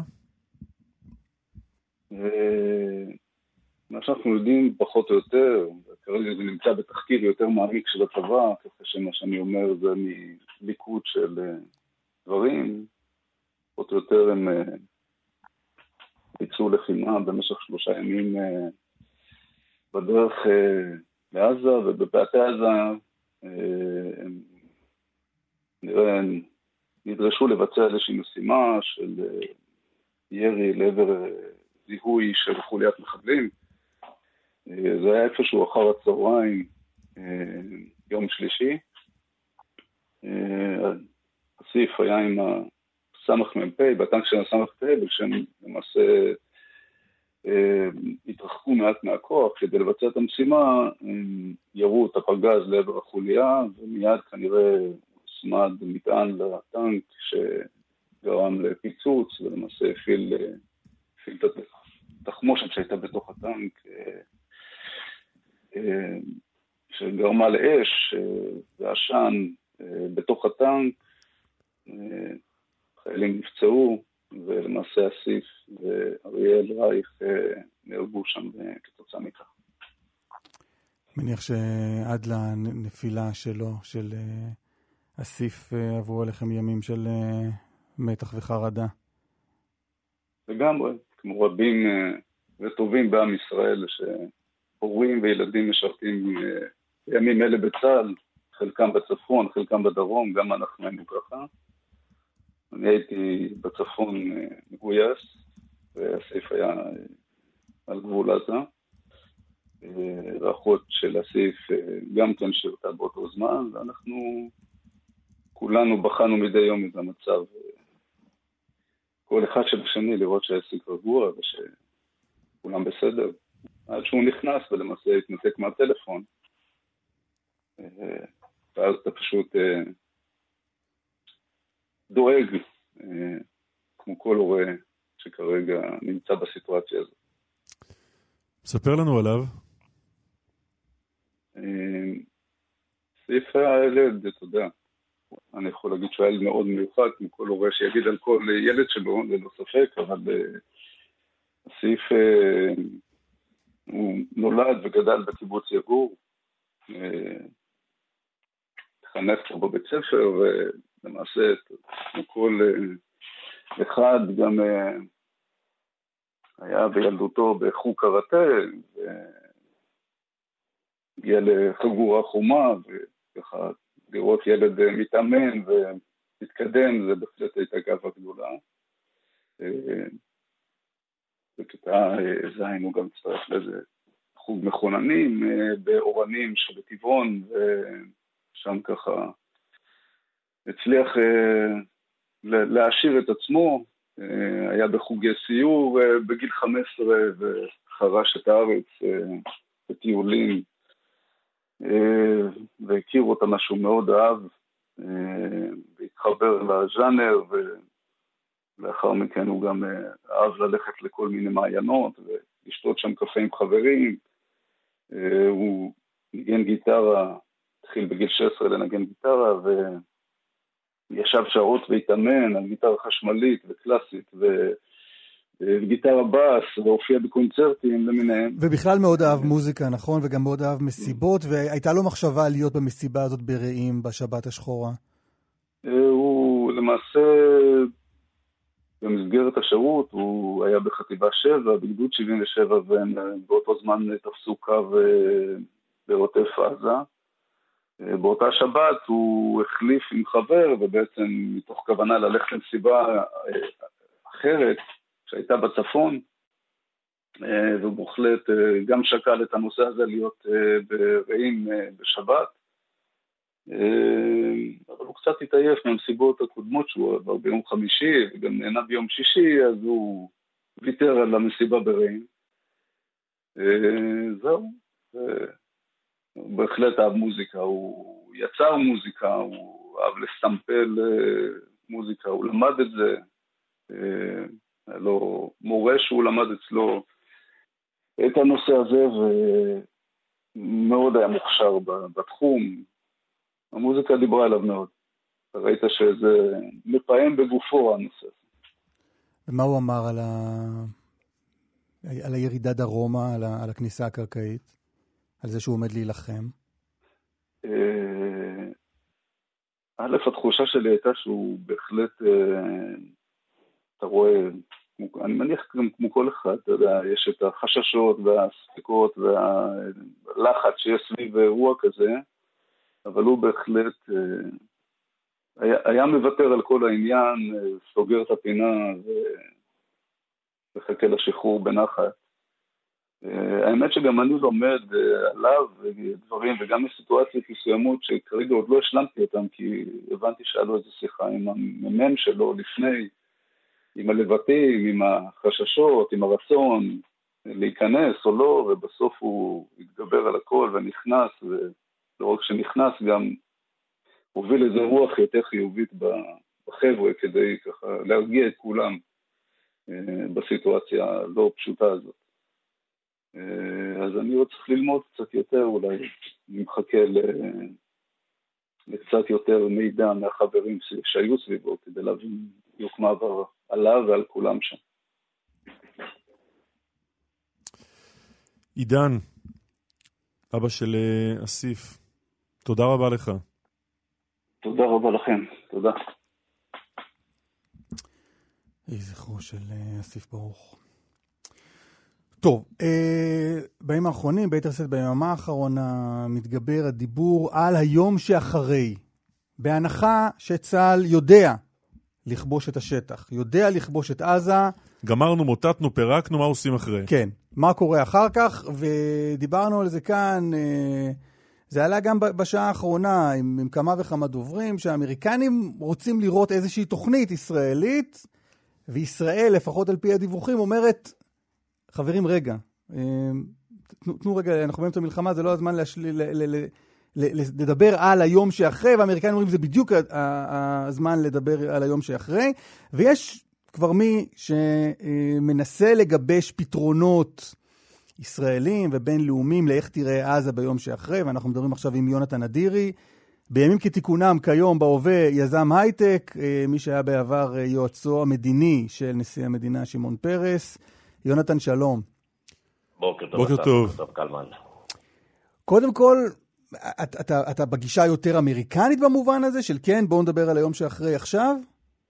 תראה, אני, חושב שקודם כל בואו בוא נתחיל בהתחלה ו, ונראה איפה אנחנו נמצאים. בעצם, מה שלמדנו ב-7 באוקטובר זה שנכשלנו, נכשלנו אפילו חמש פעמים בעזה ב-55 שנה. ולמה נכשלנו? כי, כי בכל עשור חיפשנו מישהו אחר שייקח אחריות, וכל פעם בחשיבה לטווח קצר. אתה יודע, אם, אם אני משאיר רגע מעולם הקורונה, היו לנו חמישה וריאנטים לאותו... לאותה אסטרטגיה, לא לקחת אחריות ולשלוט מבחוץ במערך של מקלות וגזרים. בשעה הקודמת דיברת עם מיכאל מילשטיין על ההקשר המצרי, ניסינו בהתחלה ב-67' להחזיק את, ה, את עזה כפיקדון ולתת אותה למצרים באיזשהו שלב לטובת שלום עם מצרים. עשר שנים לאחר מכן, אפילו בהסכם השלום איתם הם לא רצו לקחת את הטריטוריה הזו, ועשינו את הטעות אה, בהסכם קמפ דיוויד של להכיר אה, בזכות הפלסטינית גם בעזה וגם בגדה, ובעצם לכרוך את הסכם השלום עם המצרים בדבר הזה. וזה הוביל לעשור אבוד שניסינו לבנות שם מנהיגות מקומית. עוד פעם, אותו היגיון, הווריאנט הזה של ניסיון לבנות אה, מנהיגות מקומית. אחרי האינתיפאדה, עוד עשור, שלטון עצמי, זה הבאנו את כנופיית תוניס לתוך האירוע הזה באוסלו, וניסינו, אנחנו מנסים כל פעם לנהל את האירוע הזה, אבל ההיגיון הוא אותו היגיון. סיימנו את זה עם האינתיפאדה השנייה וההתנתקות, ועשור נורא שאת המחיר שלו, יותר מעשור, את המחיר שלו שילמנו לפני חודש, שההיגיון היה הרתעה והכלה, פיצול של עזה מהגדה ולתת לחמאס לנהל את זה. אני חושב שהיום כשהאמריקאים מגיעים לכאן, כל המערכת הבינלאומית יושבת עלינו, אנחנו עוד אין לנו רעיון מארגן חדש. כן, לא נתנו את זה לחמאס, חמאס לקח את זה. כן, נכון, אבל כן. כמו שאנחנו יודעים, הטבע מתאהב ואקום. אם אנחנו לא נשים רעיון על השולחן, הקהילה הבינלאומית תדחוף אותנו לפתרון שרע לישראל. וכשאתה מסתכל כרגע על הבליל של השיח, יש איזה ענן עמום כזה של שלוש אופציות. או שאנחנו כובשים את הרצועה ביום שאחרי ומנהלים אותה, לאירוע הזה יש השלכות דרמטיות מאוד, אמנם הוא, היתרון שלו שהוא מייצר ביטחון אה, אה, גבוה גם לעוטף וכן הלאה, אבל הוא, הוא בוץ עזתי, הוא אירוע כלכלי מאוד מורכב, והוא למעשה הורס את כל ההזדמנויות המדיניות שלמעשה אה, נוצרו החל מהשבעה באוקטובר, גם הסיפור הסעודי וגם ההקשרים הבינלאומיים. ההקשר שאני חושב שאיך כולם דוחפים אליו כרגע זה אופציה ב', זה השיבה של הרשות הפלסטינית עם חיזוקים בעזה. השם שעולה זה מוחמד דחלן, אדם מושחת מהיסוד, עם תודעת נקה מאוד גבוהה כלפי עזה. זאת אומרת, כולם מדברים עליו, כן, במערכת הפוליטית הישראלית, כן. וגם, וגם בזירה הבינלאומית, מדברים על, כן, תביאו את הרשות הפלסטינית לשלוט ברצועת עזה. ולהערכתי זה, זה, זה לא, לא קביל ואין לזה התכנות, גם האנשים העוסקים במלאכה, אנחנו רואים גם מה רואה ביהודה ושומרון בהיבטים של יכולת באמת למשול. בואו בוא ניקח בחשבון, איך יראה היום שאחרי? חמאס מוכרע, ממוטט, אין תשתית פוליטית וצבאית בעזה. חברים, 45% מהתושבים שם מתחת לגיל 14, זה מיליון אנשים כועסים, עקורים, תוואי שטח פיזי, בלי תשתיות, אתם רואים את התמונות לקיום של חיים אזרחיים, לא חשמל, לא מים, לא תקשורת. קריסה מוחלטת של הסדר הקיים, תחום הרווחה והחינוך, וגם בסוף יש שם שאיפת נקה מאוד גדולה להכניס לא, אבל אתה אומר, יונתן, אתה אומר, רגע, אתה אומר הרשות הפלסטינית לא יכולה להיות בדיוק. זאת ששולטת בעזה כי מה? תסביר את הטיעונים. אני חושב שרמת ההרס והשידוד מערכות שתהיה שם, שמחייבת בנייה מחדש, מחייבת להעיף את אונר"א, מחייבת תוכנית אה, לימודים חדשה, זה אתגר שהרשות הפלסטינית שביהודה ושומרון לא מסוגלת כמעט לנהל. אז זה לא משנה אם מוחמד דחלן כזה או נכון. אחר, או ברגותי או מישהו אחר. אתה אומר, זה לא- גדול על הפלסטינים, על הרשות הפלסטינית. בטווח הנראה לעין, להערכתי זה גדול על הפלסטינים, וכשהשם שעולה הוא גם דחלן, זה על אחת כמה וכמה אתה יודע, זה stick to the devil you know, זה מה שקורה, זה באמת גישה אמריקאית אה, אה, מקובלת, ו- ויש יתרונות בלהביא את הפלסטינים, לכן לדעתי גם המערכת מתכנסת לשם, כי כולם מכירים את זה, וזה הרע במיעוטו לכאורה, לנו זה לא יפתור את הבעיה, וזה יהיה וריאנט 6. זהו, עד עכשיו דיברנו על מה לא, בוא נדבר על מה כן. אני חושב שהדבר הנכון לעשות זה ללכת למהלך שהוא דומה מאוד למהלך שעשו אה, אה, הבריטים בהונג קונג, וזה מהלך של חכירה. לקחת בעלות על השטח מתוך רציונל של לתכנן 10 ו-15 שנה קדימה, וקודם כל, פרט ראשון, לשים תאריך יעד, נניח לצורך העניין 20 ו-40, ישראל יוצאת. יש תאריך יעד לפקיעת החכירה, תוכנית החכירה הזו שאני מדבר עליה. דבר ראשון, שמים יעד, לוקחים אחריות, אנחנו לוקחים אחריות. שמים יעד, אנחנו לא כובשים את השטח הזה אינדפנטלי, אנחנו לא מקימים שם יישובים, אנחנו תופסים את השטח הזה כדי אה, לקחת בעלות ולשנות אסטרטגיה של 50 שנה לא, אבל רגע, נגיד 20-40 זה אומר 15-16 שנה, ישראל כן כובשת את עזה. כן, ישראל, ישראל כובשת את עזה, אבל הדבר הראשון שהיא עושה, אני חושב שכן, אני חושב שאנחנו צריכים לנהל את האירוע הזה, מכיוון שכשלא ניהלנו אותו, ב-55 שנה ניסינו כל עשר שנים למצוא מישהו אחר שינהל, זה נכשל ואת המחיר שילמנו. לא הבנתי, בוא לא נתחיל, לא יונתן, בוא נתחיל רגע כן. מההתחלה. כן. המלחמה הזו נגמרת, מחר, בעוד חודש, בעוד שנה. כן. נגמר העניין, חמאס הוכרע. לא נראה לי מחר. לא יודע. אה, ביום שאחרי, בבוקר, קח אותנו מהיום הזה, מהבוקר שאחרי, מה קורה? צה"ל, אני חושב שלא רק בבוקר שאחרי, עכשיו צריך להתחיל לפעול לזה. הרעיון הוא שצה"ל אה, מחזיק בשטח, ומשם המערכת המדינית שישראל מובילה, לוקחת את מה שמקרון הציע, לוקחת את העמדה המאוד איתנה של ביידן, לוקחת את האמירות של של הקאנצלר בגרמניה ואומרת, איך זה הולך להיראות? אחד, אנחנו הולכים לקחת את האחריות ותאריך היעד, בכלל זה 2035, לצורך העניין 10 שנים קדימה, אנחנו לא רוצים לשלוט במקום הזה לאורך זמן, עוד 10 שנים אנחנו רוצים לתת את המפתחות לשלטון מקומי. שתיים, אנחנו רוצים לשלוט שליטה צבאית, אזור מה שנקרא אזור C מבחינתנו, יכול, או B, כן? היכולת שלנו לעבוד אה, לאורך כל תקופת החכירה מבחינה צבאית היא מלאה. שלוש, צוות ניהול רב-לאומי, שימו לב. רגע, עוד רגע נגיע לניהול הרב-לאומי. כן. אבל כן. במה שאמרת עד עכשיו, בעשר כן. שנים לצורך העניין, יש כאן גם אלמנטים שאתה הגדרת אותם כלא טובים מאופציה א'. נכון. אתה נכון. אמרת באופציה א', אנחנו נתבסס בבוט של עזה ונאבד קרדיט בינלאומי, וגם נאבד אה, ממיטב אנשינו שיהיו שם בשטח ובטח אה, אה, יהיו יעדים למתקפות טרור שעדיין יהיו שם. אמת, אבל אל מול החלופות, כשאתה מסתכל על כיבוש ואתה אומר, אני לוקח את השטח הזה אה, ואני הולך לשלוט בו indefinitely, כלומר ללא שום אה, טווח זמן, בעצם הרגת את כל היכולת של הקהילה הבינלאומית להצטרף אליך. והרגת את היכולת לקבל מימון לטובת העניין. זה עושה להיות אירוע מאוד מאוד יקר, האמת שישראל מסוגלת לנהל אותו גם בעצמה, אבל לא בצורה שבאמת תייצר עוד פעם תחשבו על זה, 45% מהילדים שם מתחת לגיל 14, ואנחנו הולכים להשאיר שם ביום שאחרי איי חורבות, זה אירוע מורכב מאוד, אנחנו צריכים את הקהילה הבינלאומית איתנו, כיבוש לא מאפשר את זה. חכירה עם תאריך יעד מאפשרת גם לסעודים להצטרף, היא מאפשרת גם למדינות האזור, סליחה, להצטרף. היא בעצם אומרת, אנחנו פה, כי אנחנו אלה שמשלמים את המחיר, ולכן יש לנו צידוק מוסרי לשלוט בתהליך הזה לעשר שנים, ואנחנו צריכים שותפים, והשותפים האלו לא ידעו להצטרף לאירוע של כיבוש, הם ידעו להצטרף לאירוע מאוד דומה לאירוע שבו בריטניה עוזבת את הונג קונג, אחרי ש-79 היא חותמת על ההסכם המעודכן. בעשר שנים האלה אנחנו מנהלים בראייה שלך את, אה, את עיריית עזה? אנחנו, לדעתי, אנחנו מקימים צוות בינלאומי, אני חושב שאחד היתרונות במה שקורה כרגע, בגלל האירוע הרוסי-אוקראיני, מועצת הביטחון, שהיא תמיד הייתה, אני בשירות מילואים ב-2006, הייתי חלק מהצוות שבנה את 1701, החלטת מועצת הביטחון, זה היה נורא. בשביל ישראל לייצר מצבי סיום מול מועצת הביטחון זה מאוד מאוד קשה, ויש לנו עכשיו הזדמנות שמועצת הביטחון לא עובדת, כי האמריקאים והרוסים לא מסכימים על שום דבר, למעשה להקים כוח בינלאומי שהוא לא ינהל ויפטרל, הוא יהיה למעשה סוג של בורד, כן? שבו המדינות מתחייבות, זה סעודיה, זה גרמניה, זה מצרים, זה ירדן, אה, אה, אה, ארה"ב, אנגליה, מתחייבות למימון לטווח ארוך, לצורך העניין רבע מיליארד דולר לשנה לעשר שנים, זאת אומרת אנחנו יודעים שיש מימון, ישראל תיתן גם את המימון שלה, וכן, הבורד הזה ינהל את אה, ספרי הלימוד, אנחנו נעיף משם את אונר"א, שהוא גורם נורא והוא גורם שהוא למעשה מרחיק את הסדר הקבע, הוא מרחיק את היכולת להגיע למול סטודנטי לבין הפלסטינים. וכן, ישראל תיקח... ומי מחנך את ילדי עזה? אתה אומר משתלטים על ספרי הלימוד, אבל אז, מי אז, המורים בכיתות, שזה, אתה אומר כל הזמן, 45% מהילדים הם אה, מהאוכלוסייה הצעירים? עזתים. עזתים. יש הרבה לקחים ללמוד, אני לא יודע אם ראיתם את הגבר... אבל העזתים הם חמאס. כן. אז אני חושב שאחרי שאנחנו נבצע את המהלך שנבצע, אנחנו כמובן מניחים שסיימנו את המהלך וסיימנו אותו בהצלחה. סיימנו את המהלך צבאית. נכון, לא, נכון, לא עקרנו את חמאס מהראש שלהם. אמת, כמו שהיה דנאציפיקציה אה, בגרמניה, וכמו שהאמריקאים עשו ביפן, אתה מגיע למצב שבו יש גראונד זירו. עכשיו, מה עושים מגראונד זירו? אם אנחנו כובשים ומנהלים את זה ואצלנו מנסים לייצר מצב שאנחנו לבד עושים את זה, להערכתי רע מאוד. האם אנחנו מביאים את הרשות הפלסטינית, זה ייתן לנו מענה שלוש שנים, וכולם יבואו וזה, אבל אנחנו בעצם לא משנים היגיון, אנחנו נפגוש מיליון ילדים עוד עשר שנים, אחרי שהרשות הפלסטינית תנהל אותם, על הגדרות. אנחנו חייבים לקחת את האירוע הזה בידיים, ולהערכתי, כמובן, חברים, זה מה שנקרא לבחור בפתרון הרע פחות. זה לא שתוכנית חכירה היא, היא איזשהו פתרון uh, כסף, אבל שאני משווה אותה להשתלטות של הרשות הפלסטינית, כן דחלן או לא, שזה גוף שאין לו יכולת לבנות uh, uh, ביום שאחרי, אחרי ההריסות שיהיו שם. לכוח בינלאומי שלכאורה היה לזה, ראינו מה קורה ביוניפיל, אין לזה שום תוחלת אגב. כל מי שחושב שיגיעו לכאן סעודים או מצרים ויעשו פעולות שיטור בעזה, אין לו מושג על מה הוא מדבר, וזה גם מסכן את היכולת שלנו לנורמליזציה טוב. במרחב. תגיד, יונתן, עם מי אתה מדבר על הרעיון הזה? אז את הרעיון הזה כבר בשבוע האחרון אה, זכיתי להטיל לכמה גורמים שהם בעצם חלק מתהליך עיצוב היום שאחרי.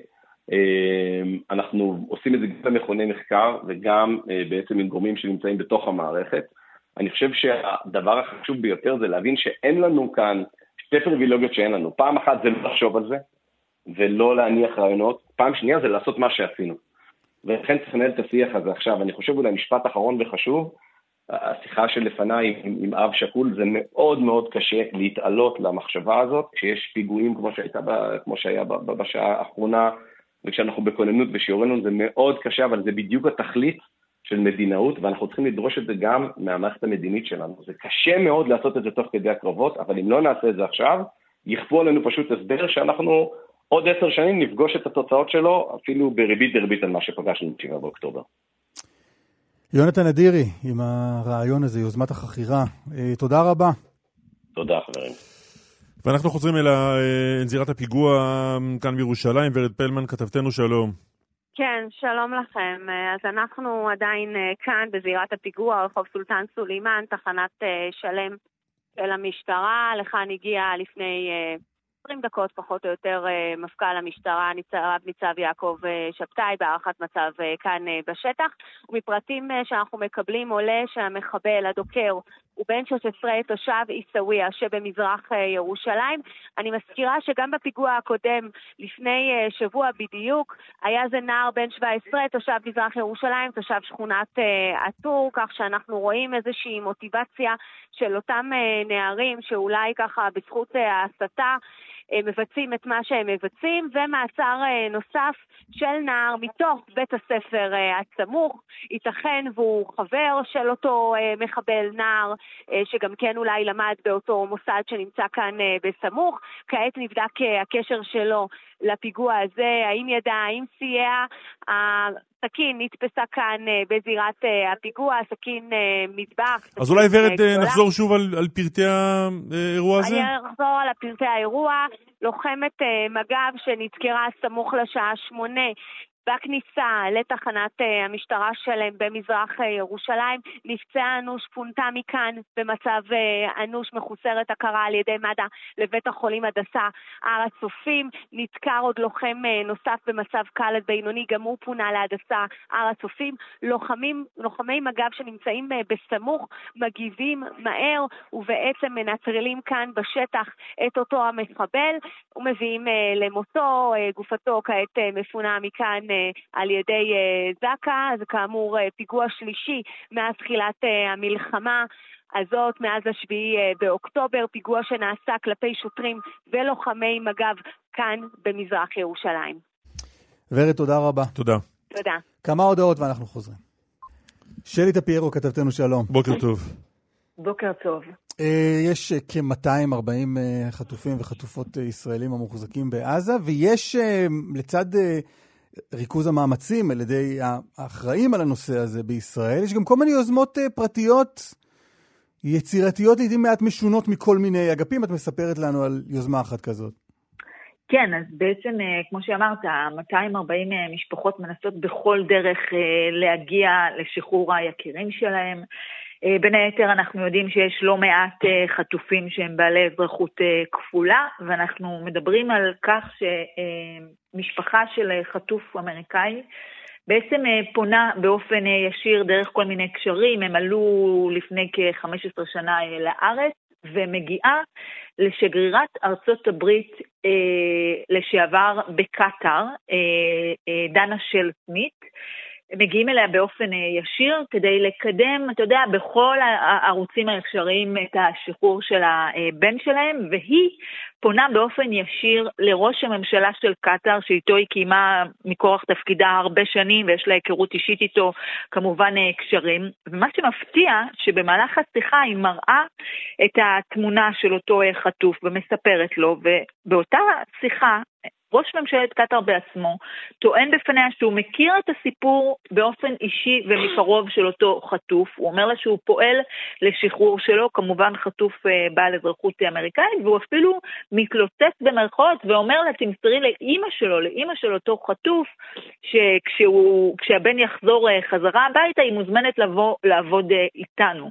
וכמובן שהשיחה הזאת מגיעה גם למשפחתו של החטוף, שכמו שאמרתי, מבחינתם כל האמצעים אה, לא רק שכשרים, אלא מתבקשים אה, בעת הזאת, ואנחנו בעצם נחשפים לערוצים ישירים מול אנשי ממשל אמריקאים, דרך קטאר, ראש ממשלת קטאר, שעל פניו, לפי השיחה הזאת, שהיא שיחה עם גורם אה, רשמי שמכיר אותה מקרוב מכורח עבודתו, שגרירת, כמו שאמרתי, שגרירת ארצות הברית בקטאר, שפונה אליו ומקבלת תמונה כאילו לא רק שהוא מעורב, אלא שהוא מכיר, מכיר באופן אישי חטופים. אני לא יודעת להגיד אם רק חטופים אמריקאים או גם חטופים בכלל, אבל השיחה הזאת שנערכת, Uh, אתה יודע, אולי נוסחת uh, תקווה מצד אחד, מצד שני אנחנו יודעים על, uh, כמובן על לא מעט חטופים אחרים, אבל כך או כך מאמץ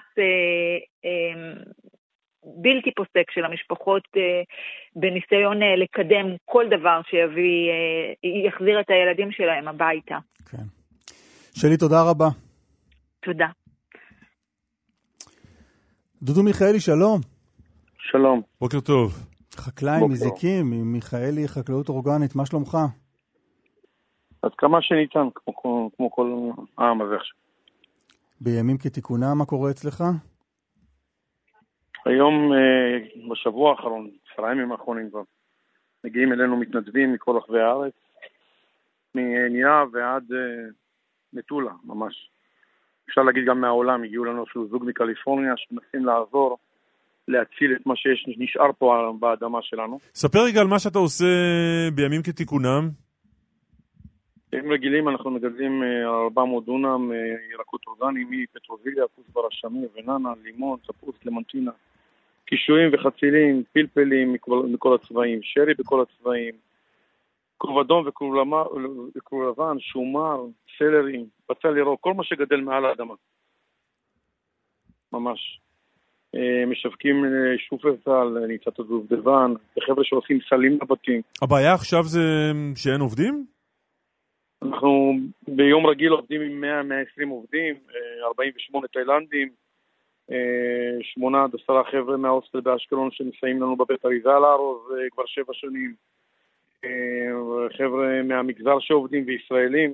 כרגע אנחנו עם 12-13 אה, עובדים שנשארו לנו. מהתאילנדים נשארנו עם עשרה. אה, כל השאר לא מגיעים בכלל. אה, וכרגע רק עם מתנדבים שבאים כל, כל יום כמה שעות. אז מה, פרסמתם מודעה? איך זה, איך זה עבד? אה, פרסמנו גם ברשתות, הילדים שלי מאחורה מנסים לגייס. אה, בחור מבית שמש, אה, שם ריצ'ארד, שהתגייס לסיפור הזה וכל היום מנסה לגייס לנו עובדים כדי באמת לנסות להציל טיפה ממה שיש פה. הנזקים פה נעמדים במיליוני שקלים, לכל החקלאים פה דרך אגב, כל מי שצמוד פה בעוטף. נשרפו פה חממות, אה, מבנים וציוד ומכונות שנשרפו לגמרי, חשמליות, כלים. אין, אה, אין נקודה שאתה לא נוגע במשק שהיא לא במצב קטסטרופה, ואנחנו באמת מנסים להציל טיפה בים. ואני לא מדבר במשק, במשק הרגיל אצלנו, בימים כתיקונם אה, שותלים בין 150 ל-200 אלף שתיל בשבוע. מבין שארבעה שבועות לא נגענו בשתילים, אני מדבר איתך על 800 אלף שתיל שהלכו לפח. אה, ועכשיו אנחנו מנסים ככה לנסות להחזיר בעזרת הפנים היפות האלה לארץ הזאת, להחזיר טיפה את, ה... את, אה, גם עיבודים טיפה לנסות לעשות, טיפה שתילות, אבל אה, ברור שזה מאוד מאוד מאוד מורכב לעשות את זה עם מתנדבים. מי, לא מי פה... זה החבר'ה האלה? מי, מי אלה המתנדבים שמגיעים? חייל שהשתחרר ל-24 שעות שמשרת בגזרה ואומר, באתי, שמעתי שאתה צריך עזרה ובאתי לעזור, עד משפחה שהגיעה משדה יעקב ועשתה בר מצווה בכותל ואומרת, שמענו שאתה צריך עזרה עם הבגדים שלה. ובאנו לעזור, עד בחורה מתל אביב שהגיעה ושמעה בתשע בבוקר שגיסה נפטר מדום לב. והיא אומרת, באתי לעשות משימה, אני אגמור אותו באחד וחצי ואחר כך אלך להלוויה. בקיצור, סיפורים מדהימים, ועד עומר בר-לב דרך אגב. ש... שהגיע לעבוד גם. עכשיו, שנמצא פה כרגע בחממה וכותב אה, עגבניות שרי. אה, מכל הגוונים, מכל המינים, כל הארץ היפה. אני שומע, דודו, את הסיפורים האלה והם מרגשים מאוד, אבל אני גם שומע איזה נימה אחרת שעם כל הכבוד לכל ההתרגשות הזו, כל בן אדם שבא לשעתיים והולך, מזה אי אפשר יהיה להיוושע. לחלוטין, לחלוטין אי אפשר להיוושע, וליד זה גם צריך להבין שאם הרשויות, המערכת, לא תתגייס, גם בפן הכלכלי וגם בפן של ה... כל הבירוקרטיה של להביא עובדים חדשים, מקצועיים, במהירות האפשרית, זה לא עוד שבוע, עוד שבועיים, עוד שלוש. זה עכשיו, מיידי, החקלאות באזור הזה תקרוס לגמרי. עכשיו תבינו, מעסיקים, סביבנו זה, זה, זה גלגל שלם. מה עושים זה, אבל? זה חברות הובלות, וזה קרטונים, וזה אריזות. דודו, בהינתן, זה... המצב שאנחנו אה, כולנו מבינים אותו, מה, מה, מה צריך לעשות? הממשלה צריכה להתעשת, הרשויות צריכות להתעשת מהר מאוד, להזרים לפה כמה שיותר מהר עובדים מקצועיים מסרי לנקה ומנפאל ומכל מקום שאפשר לבוא, אה, על ידי חברות כוח אדם שמתמחות לדבר הזה, וללכת להביא כמה שיותר מהר עובדים. בנוסף, אה, כמובן, אה, לנסות להמשיך כמה שיותר עם מתנדבים להציל את מה שיש, ובפן הכלכלי, להזרים כמה שיותר אה, מקדמות לחקלאים על כל הנזקים שנגרמו פה. כי יש דברים שאי אפשר, תבינו, הבנקים לא מחכים. הבנקים, איך אמרתי, הם ממשיכים לכתוב לך בבוקר, אה, אנחנו איתכם בימים קשים אלו, אך הצ'ק הגיע לפירעון בסכום ככה וככה, ואם לא תפקיד עד שעה ארבע, הצ'ק יוחזר. לא נוכל לכבד אותו. את זה אף אחד לא מכיר. לא, אתה יודע, אנחנו לא, אי אפשר, ליבנו איתכם. זה, עם זה, עם זה אני לא יכול לשתול הלאה. זה לא נזק של איזה אה, עשרת אלפים או עשרים או חמישים אלף שקל שמישהו שיכול להתמודד עם זה. זה מיליונים. זה נזקים במשקים כאלה, זה מיליונים. אני מדבר איתך, אני 120 דונם חממות לא השאירו רשת אחת שלמה. תראו את כל הרשתות. גם מה שלא עם מחבלים ולא נשרף, הצבא נכנס אחר כך כדי לסרוק את זה ומערכות השקיה וציוד ומחשבים. אה, אני לא רוצה להגיד להקים את המשק מחדש, אני הייתי עם גוש קטיף לשעבר. אני רואה את זה, אני אומר, הרבה יותר, יותר קשה מאשר מההתחלה. תפרק עכשיו את הרשתות האלה, ואז תתחיל להרכיב. תפרק את המערכת השקיה. את כל הטפטוף ואת כל מה שנקרא ואת כל... אני לא מדבר על כל מה שנופל עכשיו. אנחנו נמצאים בגזרה שכל, גם כשנופל טילים בתל אביב, נופלים פה כל הרסיסים של כיפת ברזל. זה ממש מעלינו. חתיכות שלמות נופלות על מערכות. אז דודו, מה הדבר המיידי שאתה צריך כרגע? הדבר הראשון. אני, קודם כל, שהמדינה תזרים לפה כסף. זה הדבר הראשון. תגידו לי שאני, בגלל שאני גר באשקלון או גר בבאר גנים, אז המערכת לא קלטה את הבקשה שלי אפילו, של המקדמה אני מדבר. שתבין, הזרימו לעסק שלנו 250 אלף שקל על, על, על, על, על מבצע מגן וחץ הקודם, מקדמה. רק עכשיו. יש חבר'ה פה שנמצאים עוד בהתנהלות מול מס רכוש על צוק איתן, על צוק איתן, אני מדבר איתך שבע שנים אחורה, מתווכחים איתם עוד. מדהים. מישהו כאן צריך לתפוס את הראש, לקלוט את האירוע ולטפל בזה באופן מיידי בדברים האלה. לא ניירת ולא בירוקרטיה ולא טפסולוגיה, גם אם רוצים עכשיו אי אפשר. המערכות לא עובדות פה, האינטרנט, מיסוך שנמצא פה. מבקשים ממני בהנהלת חשבונות, תגיש את החשבוניות, צריך להגיש את הדוחות של החודש האחרון למע"מ. אמרתי, איך אני אגיש את הדוחות? אין פה מחשבים, אין, אין, אין תקשורת, אין כלום. אין לי, הכל מנותק. אני פותח מים ביד, כמו לפני 70 שנה. המערכת של ההשקיה לא עובדת עוד. כדי לסדר את המערכת של ההשקיה אני צריך פה 120-150 אלף שקל מההתחלה. הכל השתבש בו.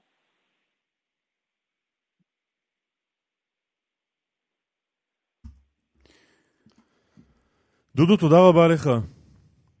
תודה. חוץ מתודה אין לנו מה להגיד. האמת שלא, נכון? לא, לא לנו.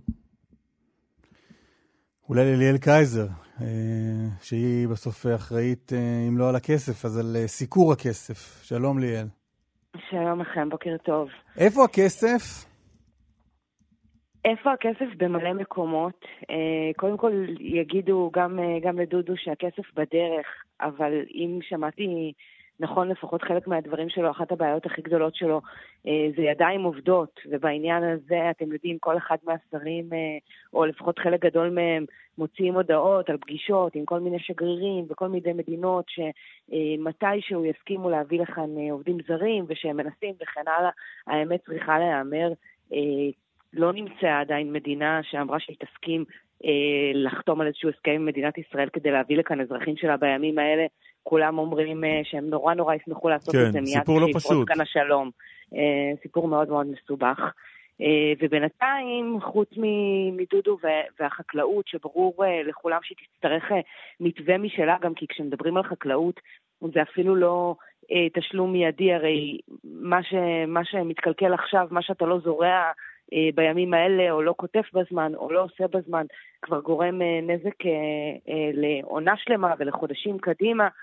גם בעלי העסקים האחרים נמצאים בבעיה וממתינים כמובן הרבה מאוד זמן, כבר יותר מ-30 יום מרגע שפרצה המלחמה, שהכנסת תחוקק סוף סוף את חוק הפיצוי.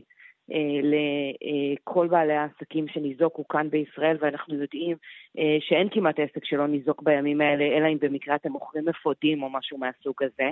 אה, רק שמה שקורה זה שגם בעניין הזה אנחנו רואים התנהלות קפריזית של הממשלה, כשאתמול בבוקר למשל שר האוצר באמצעות אחד העוזרים שלו מודיע אה, רגע לפני שמתחיל, אה, ממש בתחילת הדיון הראשון בוועדת הכספים, על מתווה הפיצויים, שהוא החליט, בלי לדבר עם אה, הדרג המקצועי במשרד שלו, בלי לדבר עם המנכ"ל שלו, שהוא איש אמון שלו, שהוא החליט פשוט להרחיב את טווח ה... את הטווח במדינת ישראל שבו בעלי העסקים יקבלו פיצוי של 100%. כלומר, לא את אותו מתווה פיצוי שדיברנו עליו כאן, שמושפע מהיקף הירידה בהכנסות שלך ושמאפשר להגיע עד לפיצוי אה, אה, חלקי כדי לעודד את העסקים להמשיך לעבוד.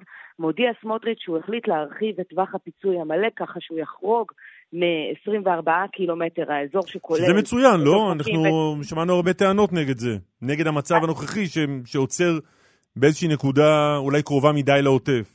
או לרצועה. זה, זה נשמע מצוין, אה, זה בטח ובטח נשמע מצוין לבעלי העסקים, למשל, באשדוד ובבאר שבע שנכללות בהודעה הזאת, ושסמוטריץ' כתב מפורשות שהוא הרחיב כדי שהן ייכללו בהחלטה הזאת, זה לא אה, נהדר לצורך העניין לבעל עסק אה, ב- בתל אביב או בראשון לציון, אה, וזה בעיקר לא עושה הרבה שכל, כי כשאתה מסתכל על מפת ההתראות, לא הבנתי, למשל, לא הבנתי מה קשור בעל העסק בראשון או בתל אביב.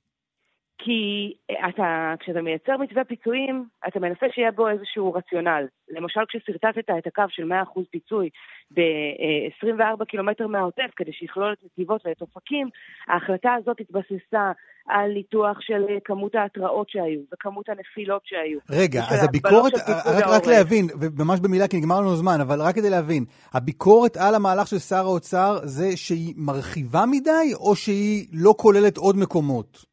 שהיא מרחיבה באופן שאין בו שום רציונל, באופן כזה שאפשר היה לתת את אותו פיצוי בדיוק לכל יישובי הארץ. הביקורת היא שמה שגרם להרחבה הזאת זה לחץ פוליטי ולא איזה קריטריון רציונלי שמסביר למה אה, באר שבע, שהיה בה פחות או יותר את אותו מספר mm. אזעקות כמו ראשון לציון כן okay. אוקיי. וראשון לא, אה, וזה כבר מכניס אותנו, את מדינת ישראל להוצאות של אה, עוד 4 מיליארד שקל. זה גם מכניס אותנו לשלב שבו כבר אנחנו צריכים להכניס את הקרדיטים. ליאל קייזר כתבתנו, תודה רבה. אה, לא לגנוב קרדיט, תודה. נדב רוזמן ערך, הדס סיוון ואורית שולץ הפיקו, גלית אמירה, יוסי תנורי ודני רוקי לביצוע טכני. קלמן ליבסקינד, תודה גם לך. חצי תודה לי, תודה מלאה לך. להתראות. להתראות, ביי ביי.